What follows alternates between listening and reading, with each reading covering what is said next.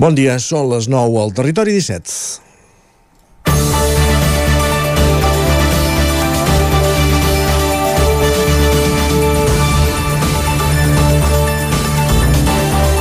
Junts per Catalunya celebrava dissabte a Vic el seu primer Consell Nacional després de la sortida del govern. Per cert, que ara Junts per Catalunya s'escriu amb un punt entre el Junts i el Per. La formació política que lideren Laura Borràs i Jordi Trull ens va sorprendre amb la determinació amb la que van decidir fer un referèndum amb la militància un cop expulsat el vicepresident Puigneró del govern i la mateixa determinació en aplicar el resultat i sortir de l'executiu. Sorprendre perquè era dels que creia que els quatre despatxos i cotxes oficials que citava dissabte Vic Jordi i Trull tenien suficient pes com per mantenir-se en el poder i més tenint en compte que hi ha unes eleccions municipals a la cantonada. Al Consell Nacional de dissabte també hi havia Francesc de Dalmases, diputat, dirigent del partit conegut per ser l'ombra de Laura Borràs. Cal fer-hi esment perquè aquesta nit Nació Digital ha fet públic l'informe que el partit va encarregar a Magda Orenic sobre els fets que de Dalmases va protagonitzar a TV3 la nit que van entrevistar Laura Borràs al fax. Després d'entrevistar una vintena de testimonis, l'informe conclou, oh sorpresa, que la sotsdirectora del FAX, la companya Mònica Hernández, amb qui havíem compartit més d'una entrevista a la xarxa, es va sentir intimidada per l'actitud violenta de Dalmases. El violenta, ja ho admeto, és de collita pròpia, però s'hi justa als fets descrits. A l'informe no es proposen mesures. Veurem quines pren la direcció del partit, si actua amb la mateixa determinació amb la que ens va sorprendre fa tres setmanes, o si permet que el 25 de novembre de Dalmases es passegi al costat de Laura Borràs amb la papallona lila. És dilluns, 24 d'octubre de 2022. Comença el Territori 17 a la sintonia de Ràdio Cardedeu, la veu de Sant Joan, Ona Codinenca, Ràdio Vic, el 9 FM i també ens podeu veure, ja ho sabeu, a través del 9 TV, Twitch i YouTube. Territori 17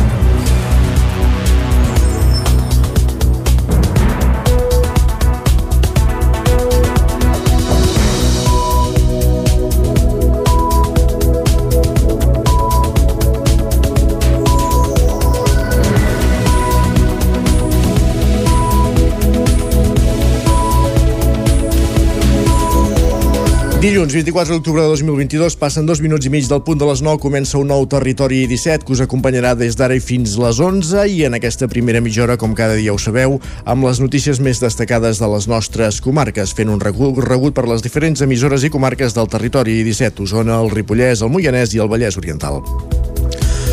A partir de dos quarts de deu, l'Isaac Montades recollirà la crònica un dia més dels oferts usuaris de l'R3 a la Tren d'Alba i a l'entrevista conversarem amb Pere Ententes, el president de la Cambra d'Osona, que avui presenta les dades econòmiques del tercer trimestre d'aquest 2022 i parlarem de la situació de les empreses de la comarca. Els solidaris, des de Ràdio Vic, avui la Laura Serrat parla de les reticències, estigma i desconeixement que hi ha envers les entitats socials i arribarem al punt de les 10 escoltant música com cada dia a les 10. Moment d'actualitzar marcadors, de posar-nos al dia amb les notícies més destacades de les nostres comarques, repàs la informació del temps amb en Pep Acosta, com no, i repàs esportiu. Saberem què han fet els esportistes i, i equips de les nostres comarques aquest cap de setmana a les corresponents compromisos esportius. I acabarem el programa passant per Twitter amb en Guillem Sánchez i amb la tertúlia esportiva analitzant la segona victòria consecutiva del Barça ahir 4-0 davant l'Atlètic de Bilbao i els empats de l'Espanyol i el Girona, com cada dia amb els nostres tertulians habituals. Aquest és el menú que us servirem des d'ara fins a les 11 i per tant és moment de començar i ho fem, com dèiem, amb les notícies més destacades de les nostres comarques. La Universitat de Vic inaugura el curs el nou Paraninf, que s'ha rehabilitat a l'antiga església de l'Hospital de la Santa Creu. L'acte va ser presidit pel nou conseller de Recerca i Universitats, Joaquim Nadal. Clàudia Dinarès. 11 dies després de prendre possessió com a conseller de Recerca i Universitats, un càrrec que abans de la sortida de Junts per Catalunya del govern de Pere Aragonès sostenia Gemma Geis, Joaquim Nadal va presidir divendres l'acte d'inauguració del curs acadèmic 2022-2023 de la Universitat de Vic, un acte que va tenir lloc a l'antiga església de l'Hospital de la Santa Creu, ara reconvertit en el Paraninf de la Universitat, un espai amb capacitat per 250 persones que a partir d'ara acollirà els principals actes acadèmics de la universitat. Un dels moments més emotius de l'acte arribava amb el lliurament de les dues medalles institucionals de la UIC. La primera la recollia la Fundació Sant Tomàs per la seva contribució a millorar la qualitat de vida a les persones amb diversitat intel·lectual i també a les seves famílies. Sentim per aquest ordre a Joan Casany, president de la Fundació i també també a la Mariona, una de les usuàries. Sant Tomàs va néixer fa 55 anys amb la inquietud i necessitat de set famílies de la comarca per escolaritzar els seus fills i filles amb discapacitat intel·lectual. Una vocació formadora que compartim amb la universitat. Jo hi vaig entrar quan tenia 16 anys i després de llavors Sant Tomàs m'ha obert portes. He aconseguit la primera feina, he fet cursos i m'he format en molts àmbits. He pogut fer pràctiques i he aconseguit moltes persones amb qui he compartit experiència. Un reconeixement que també es va atorgar a Anton Granero per la seva vinculació amb la Universitat Bigatana. Granero va parlar d'Humo Editorial, un projecte que ell mateix va impulsar. Jo m'hi vaig incorporar el 1981. Humo Editorial, fundada dos anys abans. Me va fer entrar Josep Tió, que amb la seva recerca i el seu equip Francesc Codina, Assumpta Fargas i Maica Bernal van donar l'impuls i el prestigi a aquesta petita editorial que s'ha fet gran i ha perviscut fins a l'actualitat. En el seu discurs, Granero també va parlar de la necessitat de la Universitat de Vic d'esdevenir una universitat pública. El va contradir el conseller Joaquim Nadal, que va insinuar que si el model actual funciona és el que s'ha de mantenir. La universitat que sou, amb la governança que teniu i, per tant, amb una singularitat pròpia en el sistema d'universitats de Catalunya. Ja en parlarem. Això hi ha pros i contres i, naturalment, hi ha el gran contrapès del preu de les matrícules, però no us preocupeu, tindrem oportunitat de parlar-ne d'un model de governança en construcció i model de governança innovadora. No està pas acabat del tot, hi ha elements que s'han d'anar perfeccionant, ho sabeu vosaltres millor que jo, però és evident que aquest model de governança ha donat sinergies que fan que aquesta universitat funcioni amb l'objectiu d'obrir el nou per a la ciutadania, el nou espai i també la sala gòtica i el claustre de la Casa Convalescència s'ha pogut visitar durant tot el cap de setmana. Més qüestions. L'Ajuntament de Calders anirà al Tribunal Suprem per recórrer la sentència que tomba l'acord per instal·lar l'antena de telefonia del poble. Caral Campàs, Ona Codinenca. El tema porta cua i anys de pugnes legals. De fet, en un procés legislatiu anterior, el mateix jutge havia ordenat l'enderroc de l'antena que hi havia a tocar del ponent on és ara i que posteriorment, amb el canvi de la llei que obligava a l'administració a facilitar la instal·lació de la telefonia mòbil, s'havia col·locat en el seu lloc actual. Eduard Sánchez, alcalde de Caldés, afirma que recorreran la sentència. Nosaltres, com a Ajuntament, hem defensat sempre la instal·lació perquè entenem que és un bé comú. Ens agafem a la llei de l'any 2014 que pel, la normativa es va fer última va d'acord amb, aquesta, amb aquesta legislació que considera la telefonia mòbil com un servei bàsic, com l'aigua o com la llum, i es va fer aquesta llei precisament per evitar aquests problemes. El que passa que judicialment el jutge que ha anat a parar això doncs, ho ha volgut veure diferent. Bé, mm, aquí estem i per tant per això farem recurs. Des de l'Ajuntament alerten que l'alternativa és deixar el poble sense cobertura de telefonia mòbil, fet que també va contra la legislació, ja que des de la modificació de llei del 2014 és un servei bàsic Bé, no tenim alternativa. O sigui, per mi l'alternativa tant que això és no tenir cobertura, o no tenir cobertura de qualitat, perquè hi ha cobertures residuals d'altres companyies. Jo entenc fa 20 anys que hi hagués aquest temor, jo entenc que avui en dia no, no té sentit, perquè els aparells, el nostre wifi que tenim a casa té molta més afectació que no pas l'antena de telefonia. El desmuntatge de l'antena queda a l'espera de ser el jutjat admet el recurs de tràmit. Gràcies, Caral. Més qüestions. El Consell Comarcal del Ripollès formigonarà 22 camins rurals, el doble que el 2021, amb un cost de 525.000 euros. Isaac Muntades, la veu de Sant Joan. Un any més, el Consell Comarcal del Ripollès podrà millorar la xarxa de camins rurals, especialment aquells més estratègics de la comarca. Això és gràcies a una subvenció del Departament de Vicepresidència, Polítiques Digitals i Territori que ascendeix a 525.000 euros, una partida de diners que s'ha més que doblat respecte a l'any passat, en què n'hi havia 206.000, i que permetrà formigonar el doble de camins que el 2021, passant d'11 a 22. Enguany hi ha 13 poblacions de la comarca que podran beneficiar-se d'aquestes actuacions. La suma de tots els trams arranjats s'eleva fins als 4,7 quilòmetres quilòmetres i cada tram té costos diferenciats que van des dels 6.500 als 40.000 euros. Els trossos que es formigonaran tenen una longitud total d'entre 30 i 500 metres. El vicepresident del Consell Comarcal del Ripollès, Enric Pérez, va explicar que les actuacions s'han prioritzat a través d'una sèrie de criteris objectius que es transformaven en una puntuació. Els ajuntaments ens fan les seves propostes, intentem sempre prioritzar doncs, aquells camins que comuniquen poblacions, que també doncs, eh, comuniquen carreteres o que donen accés a serveis públics, ja siguin per temes de seguretat, molts cops hidràulics hidrants d'incendi o, o altres tipologies d'equipaments. També és cert doncs, que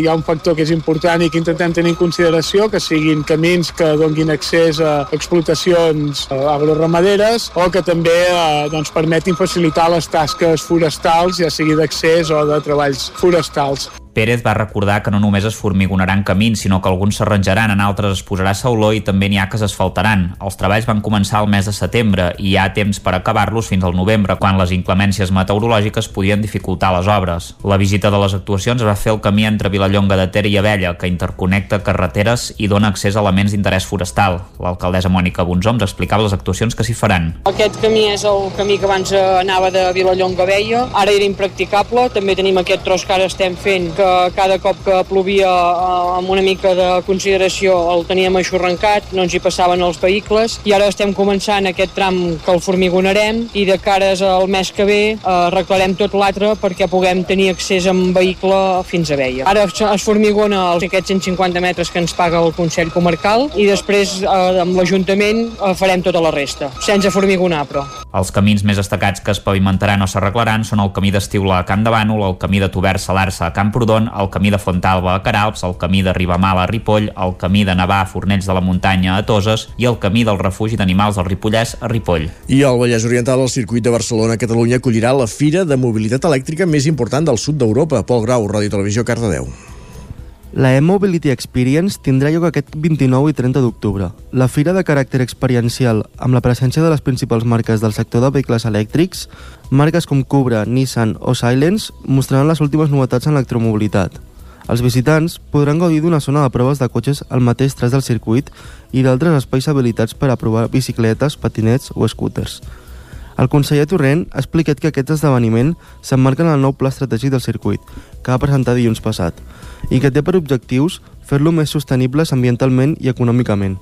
També hi haurà una zona comercial amb expositors i un espai d'entreteniment amb múltiples activitats, com exhibició de patinets, cars elèctrics i un espai d'esport inclusiu. Per als infants de les cases s'ha habilitat un circuit de bicicletes i s'han programat diferents activitats lúdiques i educatives, com tallers i videojocs d'educació viària. Fins a 985 empreses d'Osona van vendre al mercat exterior durant l'any passat. Són pràcticament la meitat de les de la Catalunya Central, on des del 2019 han crescut un 10% les empreses que exporten. Són dades que es van donar a conèixer dijous en una jornada a Vic en el marc de la Setmana de la Internacionalització d'Acció, organitzada conjuntament amb el Consell Empresarial d'Osona. En el marc de la Setmana de la Internacionalització internacionalització, els directors de les oficines exteriors d'acció a França, Itàlia i també Croàcia van, per, van presentar les oportunitats que ofereixen aquests mercats per les empreses catalanes del territori. Ho van fer en una jornada informativa al Consell Empresarial d'Osona i es tracta de la principal activitat que se celebra anualment des de la Generalitat impulsada per acció del Departament d'Empresa i Treball i que es fa en col·laboració amb aquells agents que promouen la internacionalització de les empreses. Teresa Clotet, directora dels serveis d'empresa i treball a la Catalunya Central explicava en què va consistir la jornada. Són diferents xerrades, tallers o sessions com la d'avui en què s'han marcat quines són les accions més importants o les oportunitats més importants als mercats d'Itàlia, França i els Balcans i després hi han reunions bilaterals entre el director de les agències en aquests països i les empreses interessades en tindre una oportunitat o en conèixer aquells mercats. Les empreses presents a la sessió informativa van poder fer entrevistes individuals amb els directors de les oficines exteriors d'acció a París, Milà i Zagreb, uns petits contactes, tal com apuntava Clotet, que són importants a l'hora de conèixer el mercat estranger. Home, conèixer de primera mà la realitat d'un país estranger sempre és més fàcil si ho fas vis a vis amb una persona que hi treballa i que ho coneix de primera mà i també per eh, poder plantejar quin és el teu projecte i veure com pot encaixar en aquell mercat, perquè a vegades tenim idees esbiaixades dels mercats estrangers i aquesta primer, aquest primer contacte doncs, pot facilitar, afavorir i fins i tot agilitzar eh, la implantació d'una empresa.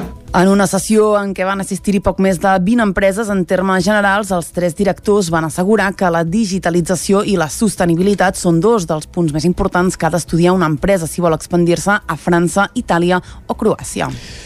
I obrim pàgina cultural perquè el Festival Protesta ha finalitza, finalitzat la seva desena edició. En total s'han programat 17 pel·lícules, de les quals 6 són, eren estrenes a Catalunya i 3 ho eren a l'estat espanyol. Un dels objectius del festival ha estat generar debat i això és el que han aconseguit aquests dies a través de sessions amb joves. Tots els joves consumeixen diàriament hores i hores de contingut d'influencers a través de la seva pantalla i molts s'hi emmirallen fins al punt de voler convertir-se ells mateixos en influencers. Quin perill per la salut mental suposa la sobreexposició a les xarxes socials? Això mateix és el que centenars de joves eh, van anar a descobrir a l'ETC Teatre amb el documental Girl Gang. Es tracta d'una sessió eh, organitzada pel Festival Protesta per acostar el cinema de crítica social a les persones més joves. Ho explicava el responsable de programació del festival, Àngela Margan. Òbviament són el futur i, i és amb les persones a, a qui ens no només ens fa més il·lusió, il·lusió sinó que estratègicament perquè sigui un món millor uh, són el millor públic que podem tenir perquè els arribin els missatges i intentin canviar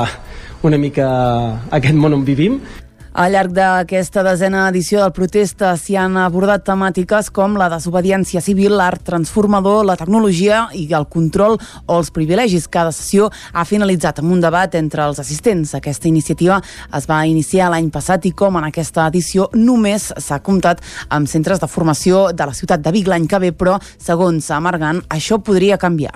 Esperem que l'any que ve eh, puguem repetir, que segur, eh, segurament sí, però sobretot ampliar-ho a la comarca d'Osona. Eh, aquest any ha sigut amb les escoles i instituts de, de Vic i l'any que ve segurament serà amb totes les d'Osona, òbviament més dies.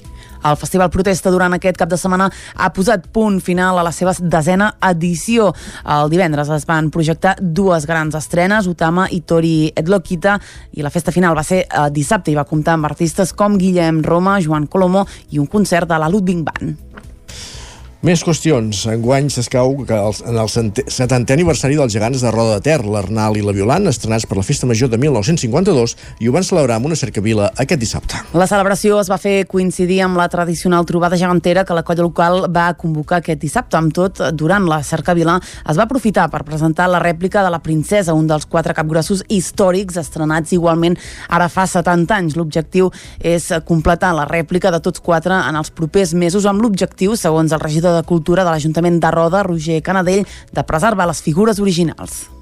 La proposta d'aquest equip de govern és cada any anar-ne renovant un, fer la còpia, és a dir, se'n fa la còpia exacta i eh, es guarda el gegant i el, en aquest cas el cap gros històric. Ja en tenim un de, de renovat, que és la princesa, en aquests moments tenim ja en tenim un altre a, a, a fer la còpia la restauració i, i per tant en tindrem dos també, com és aquest cas des de la colla, aquests 70 anys els han viscut amb il·lusió, tot i que també amb un pèl de decaïment per la baixa participació ciutadana dins la colla. Ho avançava Sara Jordan, membre de la colla gegantera de Roba.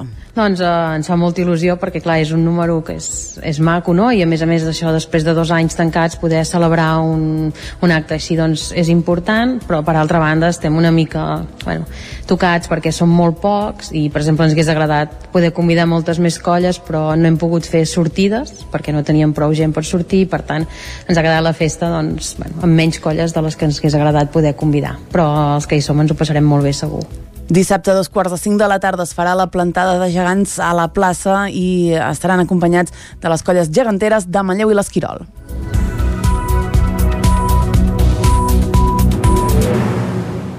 Acabem aquí aquest repàs informatiu que començàvem al punt de les 9 en companyia de Clàudia Dinarès.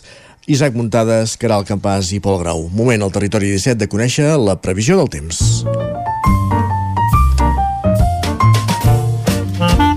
Casa Terradellos us ofereix el temps.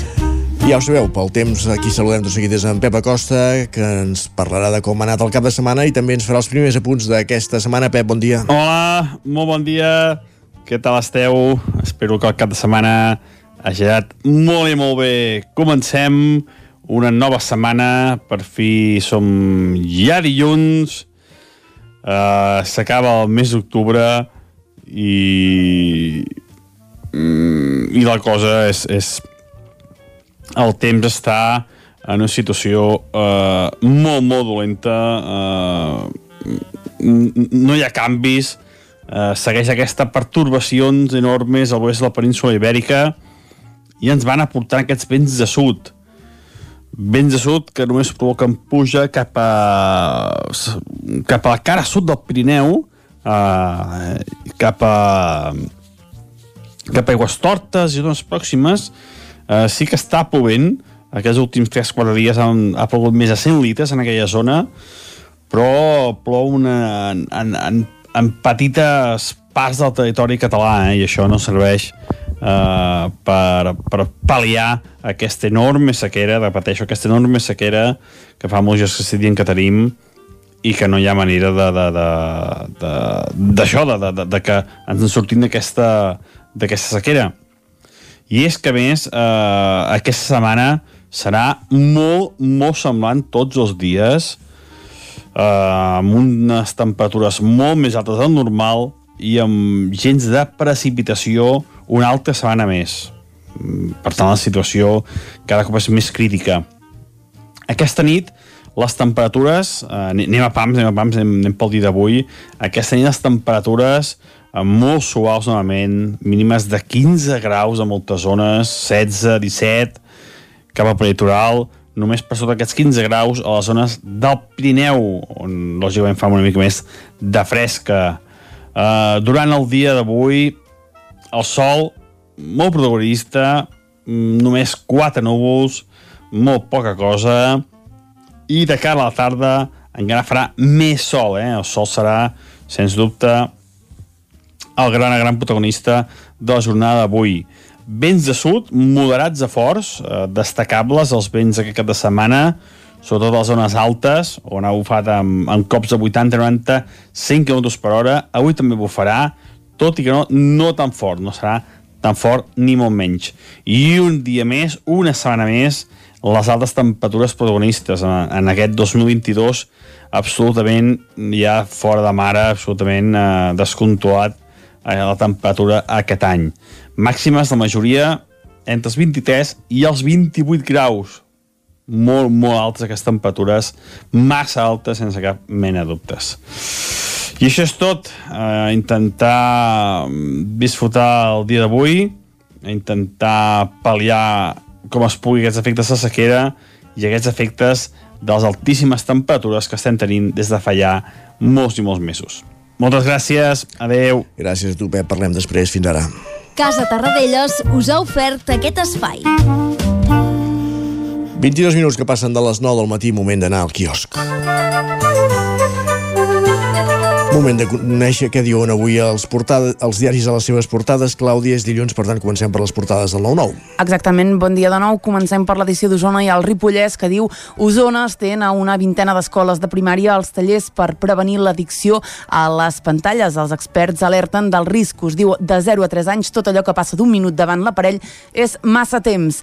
A la imatge principal de la portada hi veiem uh, aquest paranimf de la UBIC, que, com comentàvem, va obrir portes uh, divendres en la sessió inaugural del nou curs de la universitat i aquest cap de setmana s'ha pogut celebrar, uh, s'ha pogut visitar, perdoneu, uh, Portes obertes. Exacte, en una jornada de portes obertes. Altres titulars, Junts celebra a Vic el primer Consell Nacional després de la sortida del govern i Xevi Buigas a un pas del judici. Diu, la incertesa del dia a dia és el que em mata. Anem a l'edició del Vallès Oriental que diu els contenidors intel·ligents de Montmeló han fet créixer un 90% la recollida d'orgànic. El 90% del veïnat ha utilitzat la targeta o l'app que obre els contenidors. A la imatge diu els nous eh, nouvinguts al Vallès Oriental, tercera comarca que rep més gent d'altres municipis catalans eh, l'any 2021. Altres titulars, Sant Celoni es reivindica com a gran capital forestal amb la Fira del Bosc i una pel·lícula documenta la petja de la, dels mestres Ballera i Gibernau. Anem a veure què diuen les portades dels diaris que s'editen a Catalunya, a Barcelona. Exacte, comencem amb el punt avui, que obre amb una imatge d'un 2 de 8 sense folre, diu llenya i glòria, jornada de forts contra contrastos i grans duels en la Diada Castellera de Santa Úrsula de Valls. Altres titulars, fons amb compte gotes, les primeres, les pimes, perdó, es queixen perquè les ajudes del fons Next Generation no els estan beneficiant prou. I en esports, el Barça goleja amb comoditat. Anem a l'ara, que diu el nou Barcelona World no compleix els requisits ambientals. Un informe d'acció climàtica impedeix per ara que s'aprovi el projecte renovat. A la imatge, Xi Jinping es blinda amb els més fidels pel teu, el seu tercer Mandat. El periòdico La impunitat de l'ocupa desespera els veïns, diu els pisos ocupats per delinqüents trastornen la vida de la resta d'inquilins de la finca. A la imatge por de l'hivern. Aquest és el titular. Inflació, preu disparat de l'energia i pujada de les hipoteques. Anem avançant, anem a l'avantguàrdia que diu Johnson renuncia i deixa lliure el camí de Sunak per ser el nou premier. El retorn de l'ex-primer ministre havia desencadenat els temors a les files del Partit Conservador. A la imatge, Meloni s'estrena amb Macron. I anem cap a Madrid. Anem a Madrid, anem al país que diu només el 13% de les grans ciutats complirà la llei sobre zones de baixes emissions. El govern en política diu sobre reduir a la meitat la pena per sedició i com veiem Johnson renuncia a presentar-se i deixa via lliure a Sunak. Anem al Mundo que diu Espanya només aporta el 0,1% de les armes enviades a Ucraïna i com veiem fa un moment, Xi blinda el seu tercer mandat amb una èlit afí a la seva doctrina. Anem acabant, anem a la raó que diu els socis de Sánchez donen per, donaran per amortitzat al Congrés al mes de febrer. El Partit Comunista Xinès entrega a Xi Jinping un poder il·limitat i Meloni s'estrena reafirmant el seu compromís amb la Unió Europea. I com sempre, acabem el repàs de portades amb l'ABC, que diu l'exministre Montón va amagar al Congrés el seu augment patrimonial. Carai, aquesta portada de Madrid discrepa de les, altres, de les altres perquè parlàvem molt propi. de política internacional amb Itàlia, amb la Xina, amb el Regne Unit, en canvi les portades catalanes més centrades en altres qüestions més diferents de l'actualitat, sí que és un ànim el tema de, de Boris Johnson que renuncia uh mhm. -huh. a tornar a ser primer, premier britànic, és impressionant que pugui tornar a ser primer britànic 40 dies després d'haver-ho deixat de ser, i, i per exemple destacar per la jornada de Santa Úrsula que destacava al punt avui. Gràcies, Clàudia. Ben lluïda. Exacte, fins ara. Avancem al territori 17. Després de passar pel quios, després de repassar les portades, farem una petita pausa i tot seguit eh, les cròniques que recull dia a dia l'Isaac muntades des de l'R3 dels oferts usuaris de la línia del tren. Veurem avui amb què ens sorprèn. I després de l'entrevista conversarem amb Pere Ententes, el president de la Cambra d'Osona, per parlar de la situació de les empreses de la comarca davant un hivern que es preveu complicat pels preus de l'energia i de fet no cal esperar l'hivern a les empreses perquè la despesa energètica a moltes d'elles ja, ja hi és. Com dèiem, fem una petita pausa i tornem en 3 minuts al territori 17. El nou FM, la ràdio de casa, al 92.8. En Pradell estalvio energia i cuido la meva butxaca i el medi ambient. Posa't en mans a Pradell, són experts en calderes de gas i condensació, estufes de pèl·let, energia solar, terres radiants i geotèrmia. Pradell instal·la calderes de biomassa per a particulars i per a empreses. Si vols estalviar un 50% en consum, contacta amb Pradell i passa't a les energies renovables. Pradell som a l'Avinguda Països Catalans 27 de Vic. Telèfon 93 885 1197. Pradell.cat. Ja tens la teva disfressa de Halloween?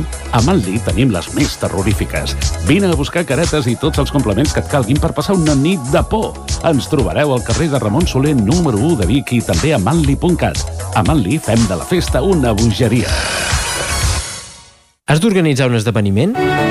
A l'Ineixat lloguem les cadires, taules, plats, coberts, rams de flors i tota la decoració necessària per preparar qualsevol esdeveniment.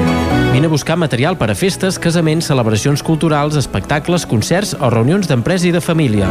Ens pots venir a veure al passeig de la Generalitat número 52 Baixos de Vic, buscar-nos a les xarxes o trucar-nos al telèfon 670 38 96 25. Ah, i també ens trobaràs a Girona. A l'Ineixa tenim tot el que pots necessitar per fer-te la vida més fàcil.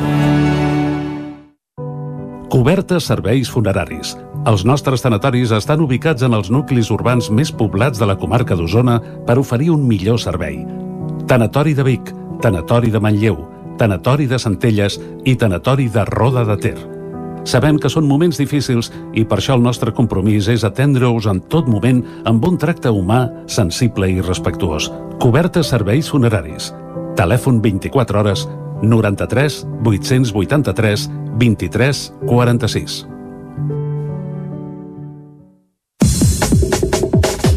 La ràdio de casa al 92.8. El nou FM. En Anuncia't al 9FM. La ràdio de casa. 9 3 8 8 9 4 9 4 9. Publicitat arroba al 9FM.cat. Anuncia't al 9FM. La publicitat més eficaç. Cocodril Club. Si t'agrada la bona música dels anys 60, 70 i 80, escolta el 9 FM als matins de dissabtes i diumenges d'11 a 1.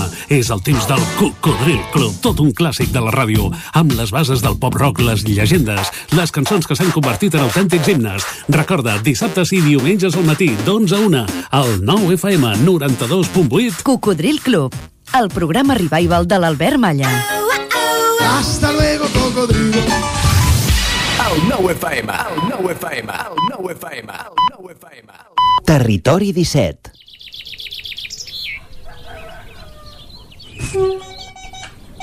A Tren d'Alba. Cada dia els usuaris i usuàries de la línia R3 de Rodalies que veuen sortir el sol des d'un vagó ens expliquen les gràcies i les penes del primer comboi que uneix Ripoll i Barcelona o les feixugues jornades amb el tren després de treballar. Benvinguts a Tren d'Alba. Aquesta setmana, ja que s'acosta Halloween, si és que sou d'aquells que la castanyada ja no us entusiasma, us explicaré una història de terror que prové de l'usuari de Twitter Jordi Tabernero. Es titula Tren de tornada a Barcelona des del Ripollès. El nostre protagonista diu que l'anada de divendres ja va ser digna de viure perquè el tren va arribar ple a vessar de plaça Catalunya i abans d'arribar a Mollet, un senyor ja s'havia desmaiat. Aquest diumenge, a l'hora de la tornada, quan eren gairebé les 5 de la tarda, el tren va arribar a Sant Quirze de Besora. Ep, aquí hi ha una patinada de l'usuari, perquè Sant Quirze, tot i que havia estat del Ripollès, ara és d'Osona. Però vaja, era un tren curt de tres vagons, i a dins no s'hi podia seure, ni caminar, perquè al terra hi havia moltes persones assegudes. Diverses senyores grans es van trobar que no tenien lloc, però per sort algú els hi va oferir. A la següent parada encara hi va pujar més gent, com ciclistes o estudiants. Tothom estava d'en peus i quedaven dues hores per arribar a Barcelona. A Vic va ser com traslladar-se a Tòquio en hora punta amb olor de suor, esquenes apretades i el rètol electrònic ja avisava que el tren parava a totes les estacions. No podia causar més angoixa aquest fet. Demà us seguiré explicant aquest enfilall de terror tan propi dels dies previs a Tots Sants. Va, ens escoltem demà amb més històries del tren i de l'R3. Territori 17. Envia'ns les teves notes de veu per WhatsApp al 646 079 023. 646 079 023. WhatsApp Territori 17.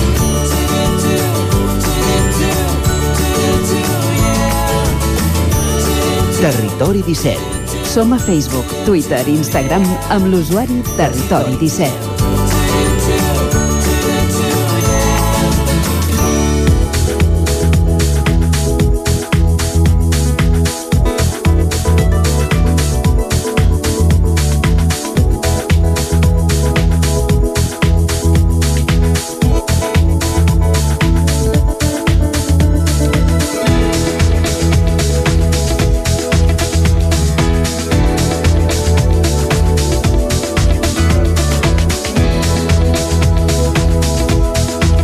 Dos minuts i mig que passen de dos quarts de deu del matí. La Cambra d'Osona presenta avui l'informe trimestral econòmic de la comarca d'Osona i també el que serà el dia de la Cambra. Això serà d'aquí uns minuts, d'aquí una estona, en una roda de premsa. Abans, però, el que fem és parlar una mica de la situació econòmica de les empreses de la comarca d'Osona amb el president de la Cambra, Pere Ententes. Pere, bon dia, benvingut. Espera't.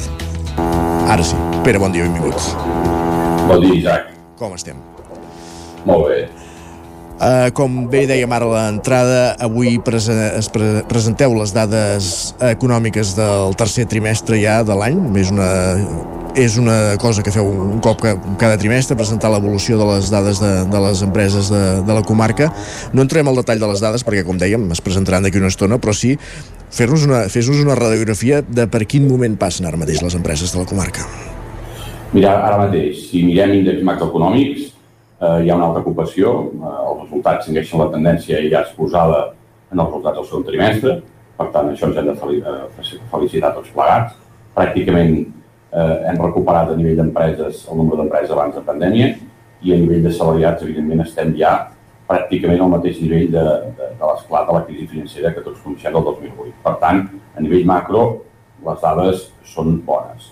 A la Carrasques, baixes més avall, eh, hi ha un problema, hi ha un problema d'augment de costos, la inflació està fent mal, els marges s'han reduït com a conseqüència d'aquesta pujada de preus. Eh, la pujada dels preus de l'energia ho ha descarregat tot. Els preus han pujat i, per tant, la situació és complicada a nivell de costos. Uh, I això és una tònica general uh, arreu, empreses més grans, més petites, el problema suposo que són uh, amb aquelles que tenen menys marge, no?, de, de, de negoci, segurament. El problema és general, el problema és general perquè què implica? L'empresa que té menys marge eh, té poc eh, descompte per poder tirar endavant.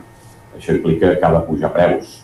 Llavors també implica la pujada de preus, implica que la renda disponible de les famílies també és més baixa perquè els productes de primera necessitat, que són els primers que s'han de comprar, doncs s'enduen un percentatge important. Llavors queda poca disponibilitat de renda pel consum, eh? pel consum, a l'altre tipus de consum.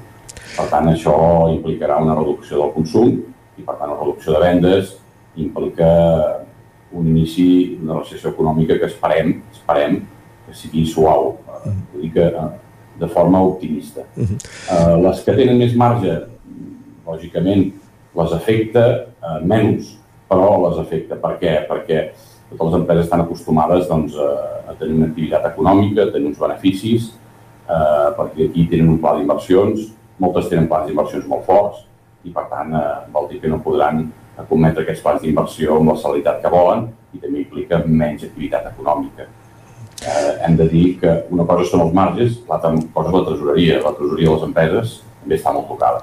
Uh -huh.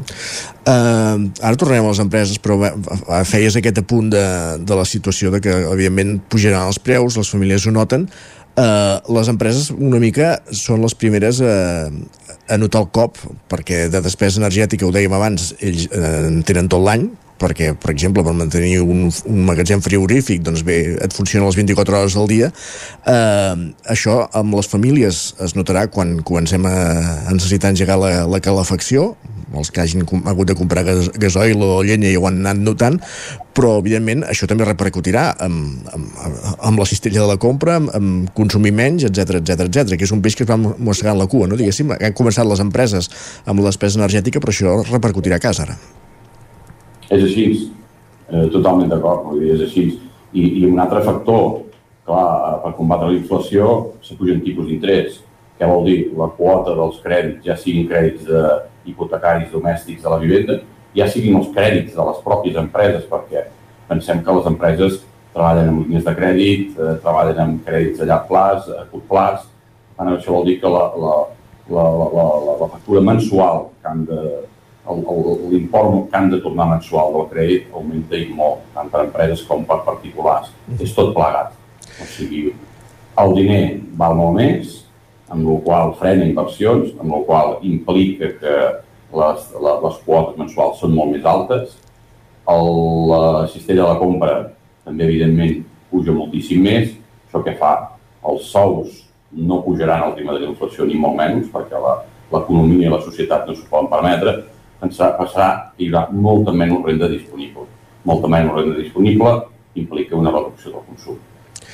Uh, una reducció del consum per la gent que reduint el consum no tingui problema.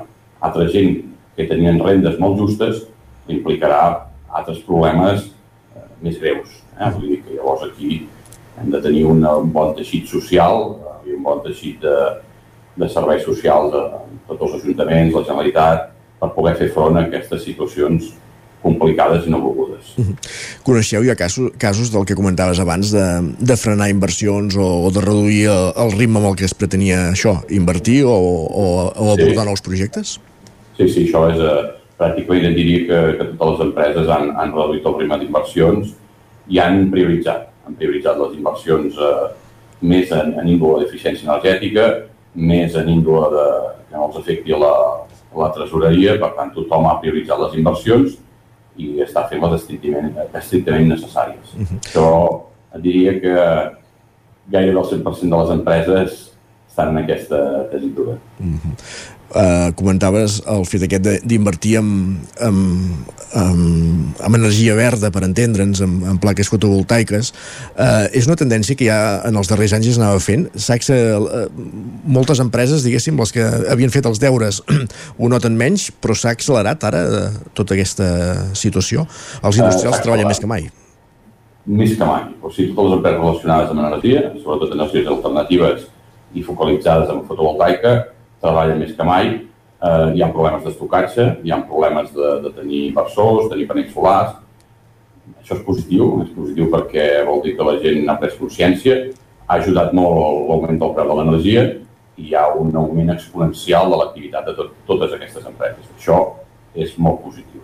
És molt positiu perquè la gent ja comença a pensar en reducció i en autoconsum propi. I això és una pilota que no pararà, perquè, t'explico una anècdota. Estava amb un amic eh, aquest cap de setmana i ja m'ensenyava el mòbil i m'ensenyava els consums i deia, ostres, al vespre no sabia que consumia dos quilowatts. Clar, tot això ha fet monitoritzar, o sigui, ha fet digitalitzar les instal·lacions de, de diferents indústries, particulars, i per tant, segon a segon, saben el que consumeixen.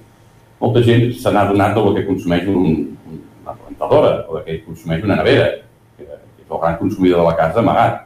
Per tant, només això fa que accelerarà molt les inversions, en, en, sobretot en tema de monitorització i d'energies renovables, i la més senzilla és la fotovoltaica a totes les vivendes. Uh -huh.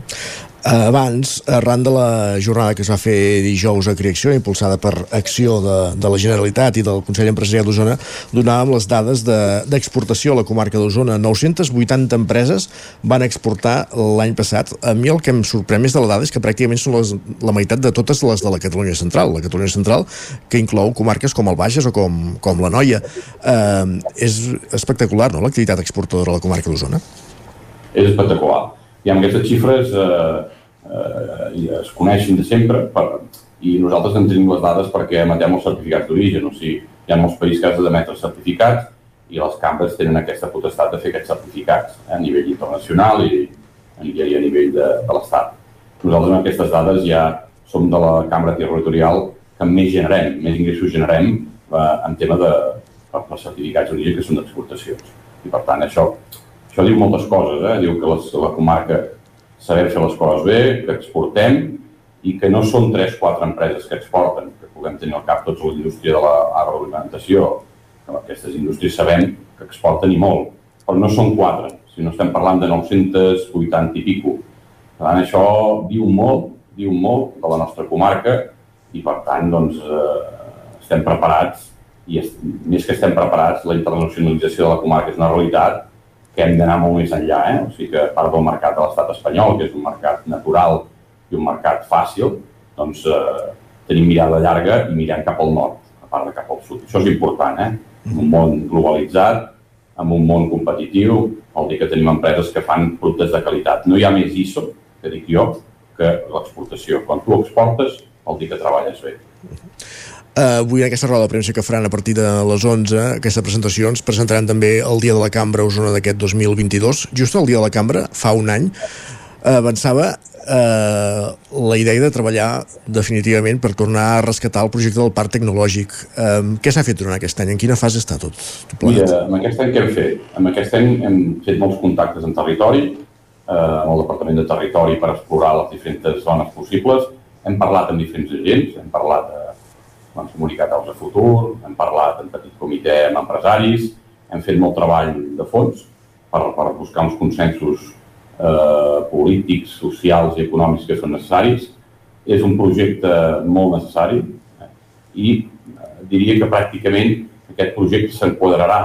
Eh, farem el que sí que està clar que abans del mes d'abril d'aquest any presentarem una proposta, serà una, una proposta a nivell de càmera, d'uns possibles, possibles emplaçaments i uns possibles usos d'aquest parc tecnològic, eh, parc tecnològic eh, com que serà una ciutat tecnològica, en diria jo, més que un polígon i dur, perquè al final estem parlant d'activitats molt terciàries i activitats de manufacturació amb poca incidència ambiental, i hi haurà, l'emplaçament ha de ser un emplaçament que respongui, primer, el trànsit rodat per carretera, perquè pensem que aquest nou macro, macro ciutat industrial que n'hi podem dir ha de ser de tot Osona i per tant ha de tenir bones comunicacions per carretera, T17, T25, perquè no podem posar un macroparc en un lloc que estigui mal comunicat, ha de tenir connexió ferroviària sí o sí, eh, estem al camí adequat per, per, pel desdoblament i estem al camí més a mig llarg termini de,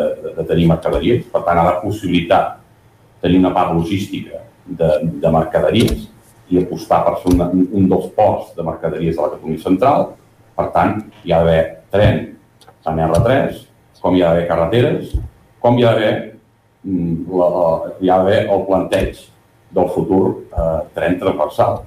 Encara que sigui d'aquí 25-30 anys, hi ha de preveure, perquè sí o sí haurà de venir. Per tant, amb això tenim, tenim una qüestió plantejada, que és una qüestió tècnica, tant és important és una qüestió tècnica i no una qüestió d'interessos de, de diferents ciutats més o menys importants de la comarca, per tant una qüestió d'aquest tipus que hi ha un vector ambiental, per tant un vector ambiental és transport ferroviari, el vector ambiental és al costat de grans infraestructures eh, rodades que permetin una distribució en origen.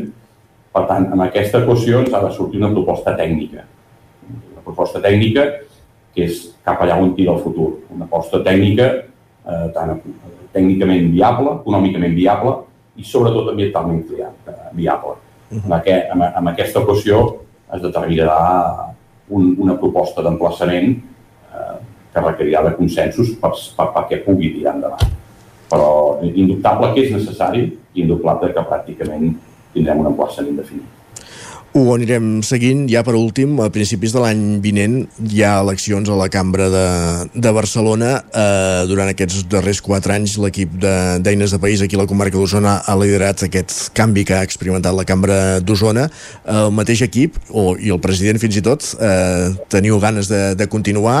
Eh, opteu a, a tornar a la Cambra? Quina és la, la situació? Mira, el projecte és viu, el projecte ha estat molt transformador a nivell de cambra, a nivell de Cambra de Barcelona s'ha fet un canvi de 360 graus. Primer, s'ha descentralitzat les cambres, no són delegacions, són cambres territorials, estem parlant de Cambra d'Osona, estem parlant que, que cada cambra territorial eh, té una estructura pròpia, això fa que estiguem molt més visibles al territori, estem parlant que cada canvi territorial hem fet inversions importants, només a Osona acabarem un mandat amb 700.000 euros d'inversió. L'inversió més important després de 20 anys o 25 que es va, es va aterrar les instal·lacions del sucre, per tant, això és un fet inqüestionable. A Barcelona, el que és la central també, tot el que és l'edifici diagonal, s'ha posat al servei de l'emprenedoria i s'ha fet un hub digital. També a Barcelona, l'Ajuntament de Barcelona, s'ha desencallat un projecte per fer un, un, un gran centre, el 22 arroba, compartit per l'Ajuntament de la Cambra. Per tant, eh, s'han fet moltes actuacions d'obrir la cambra eh, a tot el teixit productiu del país. Eh, S'han fet noves aliances, et diria que s'ha modernitzat la cambra. Eh? Li hem donat aquest impuls que li necessitava amb una institució que ja funcionava i funcionava bé, però hi ha un canvi, una modernització. Eines de país, eines de país continua, eh, hi haurà candidatura, s'està treballant molt amb una bona candidatura, una candidatura molt eh, en clau econòmica, eh, per tant l'estructura d'eines continua.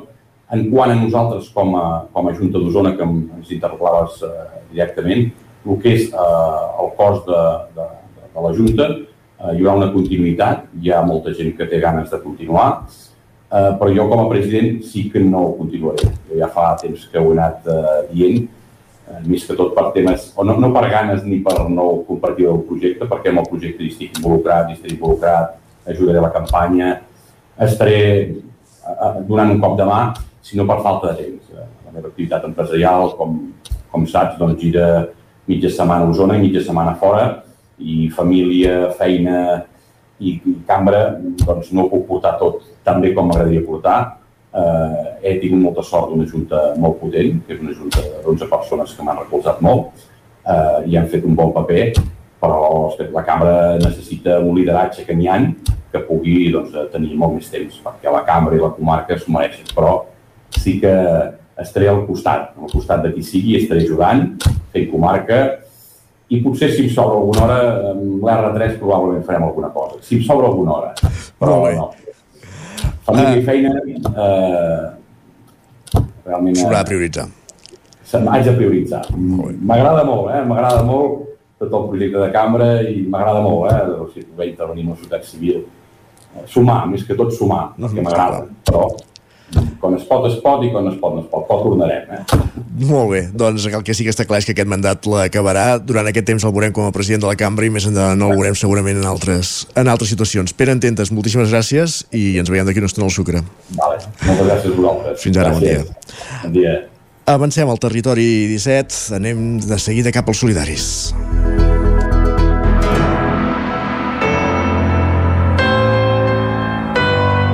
Territori, Territori 17. 17. Territori 17.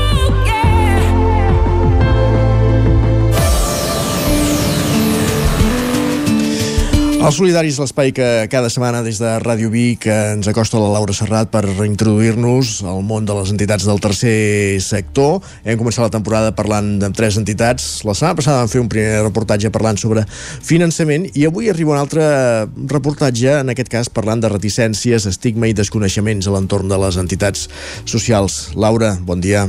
La setmana passada radiografiàvem la delicada situació financera del sector del servei social. Avui parlarem d'un altre dels grans impediments de l'acció de les nostres entitats, les reticències, l'estigma i el desconeixement de la població. Una setmana més, al programa de Tots Colors, en parlem amb els principals representants de fundacions d'arreu del territori. Osona Mena Osona, la Fundació Vallès Oriental, els Avets al Moianès i la Fundació MAP, a Ripoll. La Mercè Generó, gerent d'Osonament, ens explicava que, a més a més de les barreres administratives, al tractament de la salut mental s'hi suma l'estigma amb què es viu entre la població. Un estigma que comença en un mateix i contra el que batallen totes les nostres entitats. Pensem que l'estigma és un dels temes més complicats de la malaltia que treballem nosaltres, que és la malaltia mental.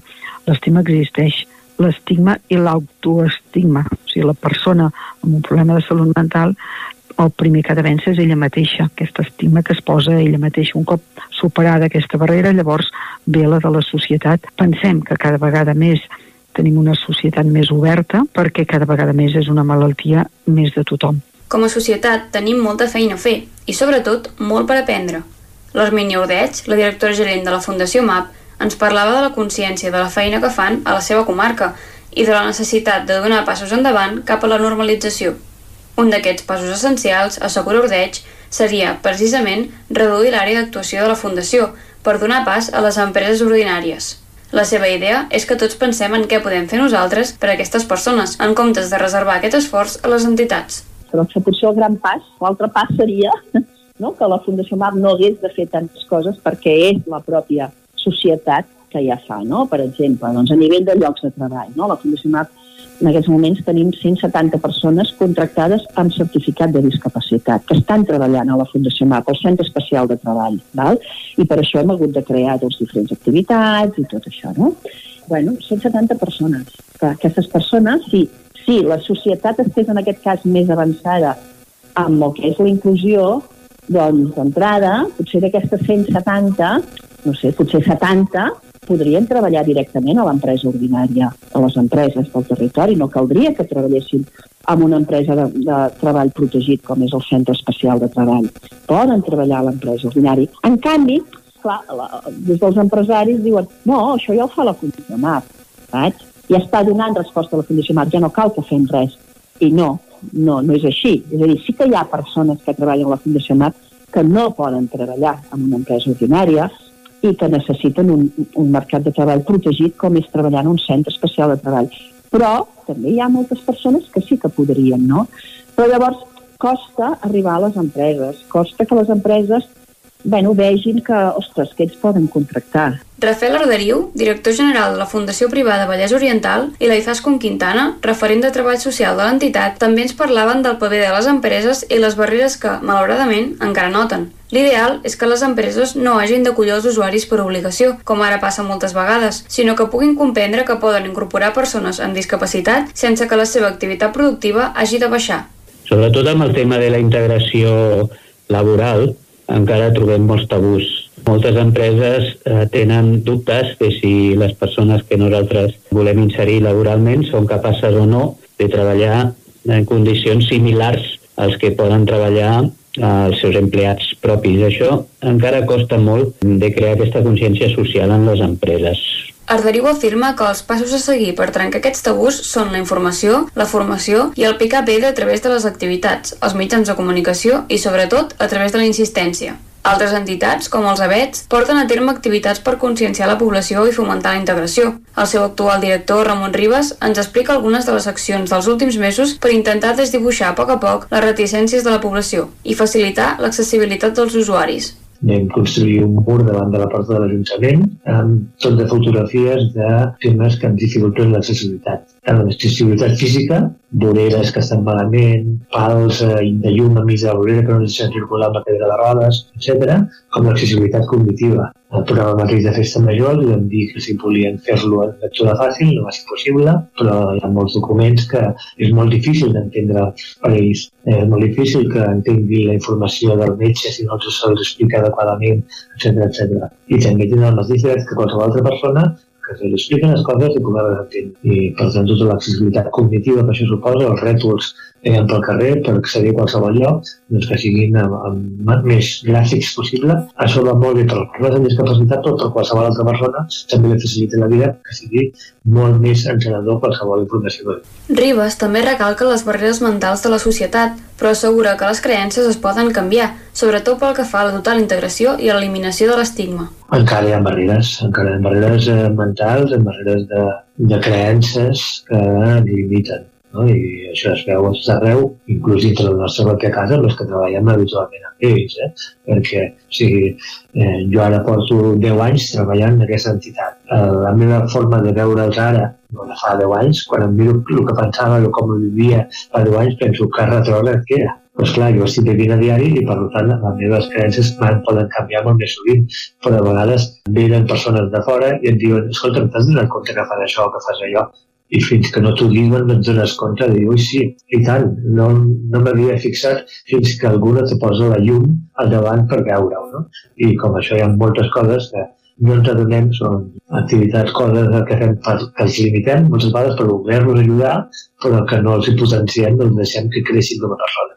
Ribas ens explica que l'any passat hi va haver un gran canvi que va suposar un pas endavant en aquesta lluita i que resulta un exemple més del canvi de mentalitat que necessitem. L'any passat va, va haver un canvi molt gran en una llei de, per la discapacitat que finalment ja eh, se deia a la Declaració Universal dels Drets de Persones amb Discapacitat que es va aprovar fa més de 10 anys i que eh, diu que totes les persones tenen els mateixos drets i deures que qualsevol altre.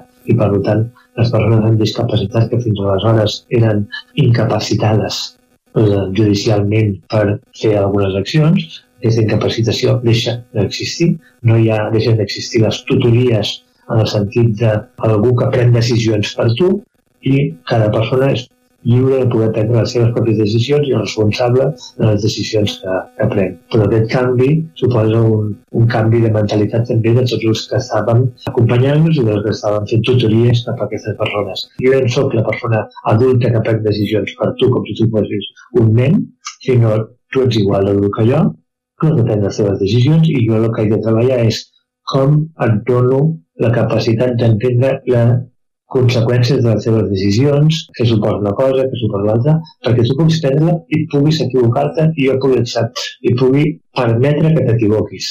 I eh, això doncs, és un canvi important que és fruit d'aquesta llei de fa un any, però que suposa un canvi de, de creences, d'estructures mentals que encara trigarem uns quants anys a poder-lo assolir. Un altre dels àmbits en què algunes de les entitats han trobat reticències ha estat en la cerca d'habitatge. Arderiu, director de la Fundació Privada Vallès Oriental, ens explica que també hi ha reticències a l'hora de facilitar un habitatge a una persona amb discapacitat.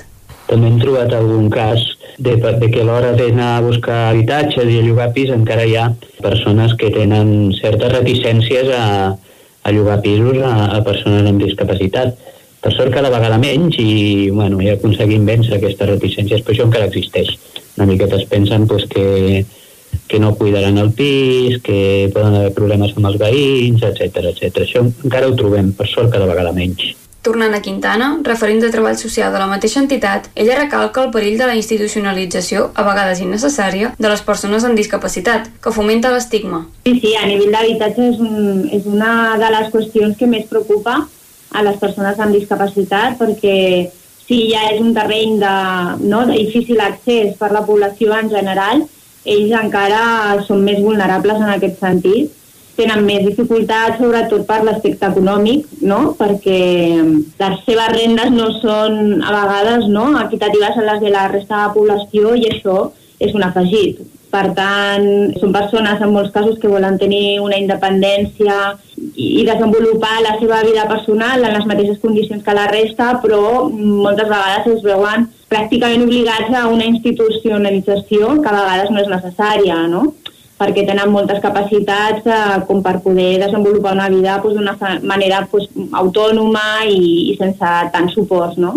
L'Armeni Ordeig, director gerent de la Fundació MAP, també ens parla d'aquest fenomen i assegura que, en aquest sentit, fa falta fer un pas enrere per avançar cap a la inserció, la normalització i l'eliminació de l'estigma. S'ha institucionalitzat molt, eh? Vull dir que semblava que havien de crear residències tots en allà i no, no és això. No és això. Sí que hi ha persones que han d'estar en residències, però no cal que fem aquestes residències tan grans, no? Fem residències més petites, que la seva vida sigui molta més, de molta més qualitat, no? Que convisqui amb, amb 10 companys en comptes de, de 50, no? Llavors, ara estem en aquest procés, no? Estem en aquest procés de fer una... Atent que com a societat encara ens queden molts passos a fer, molts cap endavant i algun cap enrere, per tornar a començar. Aquesta ha esdevingut una lluita compartida i són moltes les coses que podem fer per aportar el nostre granet de sorra a l'eliminació de l'estigma. Des de Ràdio Vic en prenem nota i esperem que, granet a granet, aconseguim avançar en aquesta lluita.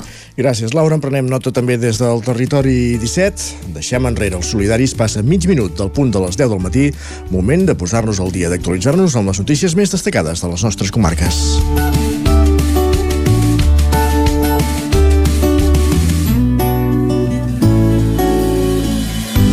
Territori 17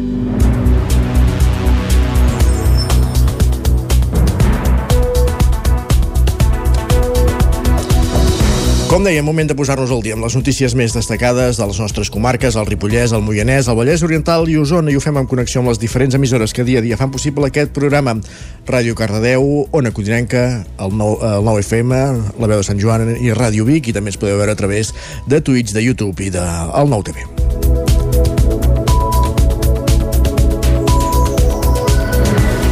L'Audiència Nacional ha tancat la instrucció de l'operació Judes entre els 12 investigats per terrorisme i a l'usonenc Xevi Buigas, Clàudia Dinarès. Alerta solidària que s'ocupa de la defensa dels encausats ha denunciat que des del gener fins ara hi ha hagut 11 resolucions que ordenaven al jutge instructor Manuel García Castellón a lliurar les defenses al contingut de les diligències secretes i que no hi va tenir accés fins fa dues setmanes. Consideren que el magistrat els ha deixat sense marge de maniobra tancant el sumari pocs dies després. També diuen que la documentació informació que han rebut és incompleta i que hi ha forats i salts temporals. Queden pendents, però, diversos recursos, entre els quals un que qüestiona la negativa del magistrat de prorrogar la instrucció. L'operació Judes es va produir el 23 de setembre de l'any 2019. Xevi Buigas, que sempre ha negat els fets dels que se l'acusa, va ser detingut per la Guàrdia Civil a casa seva a Sant Pere de Torelló i va passar tres mesos en presó preventiva a Soto del Real. A Folgueroles i en altres punts d'Osona es van convocar actes reclamant la seva llibertat llibertat.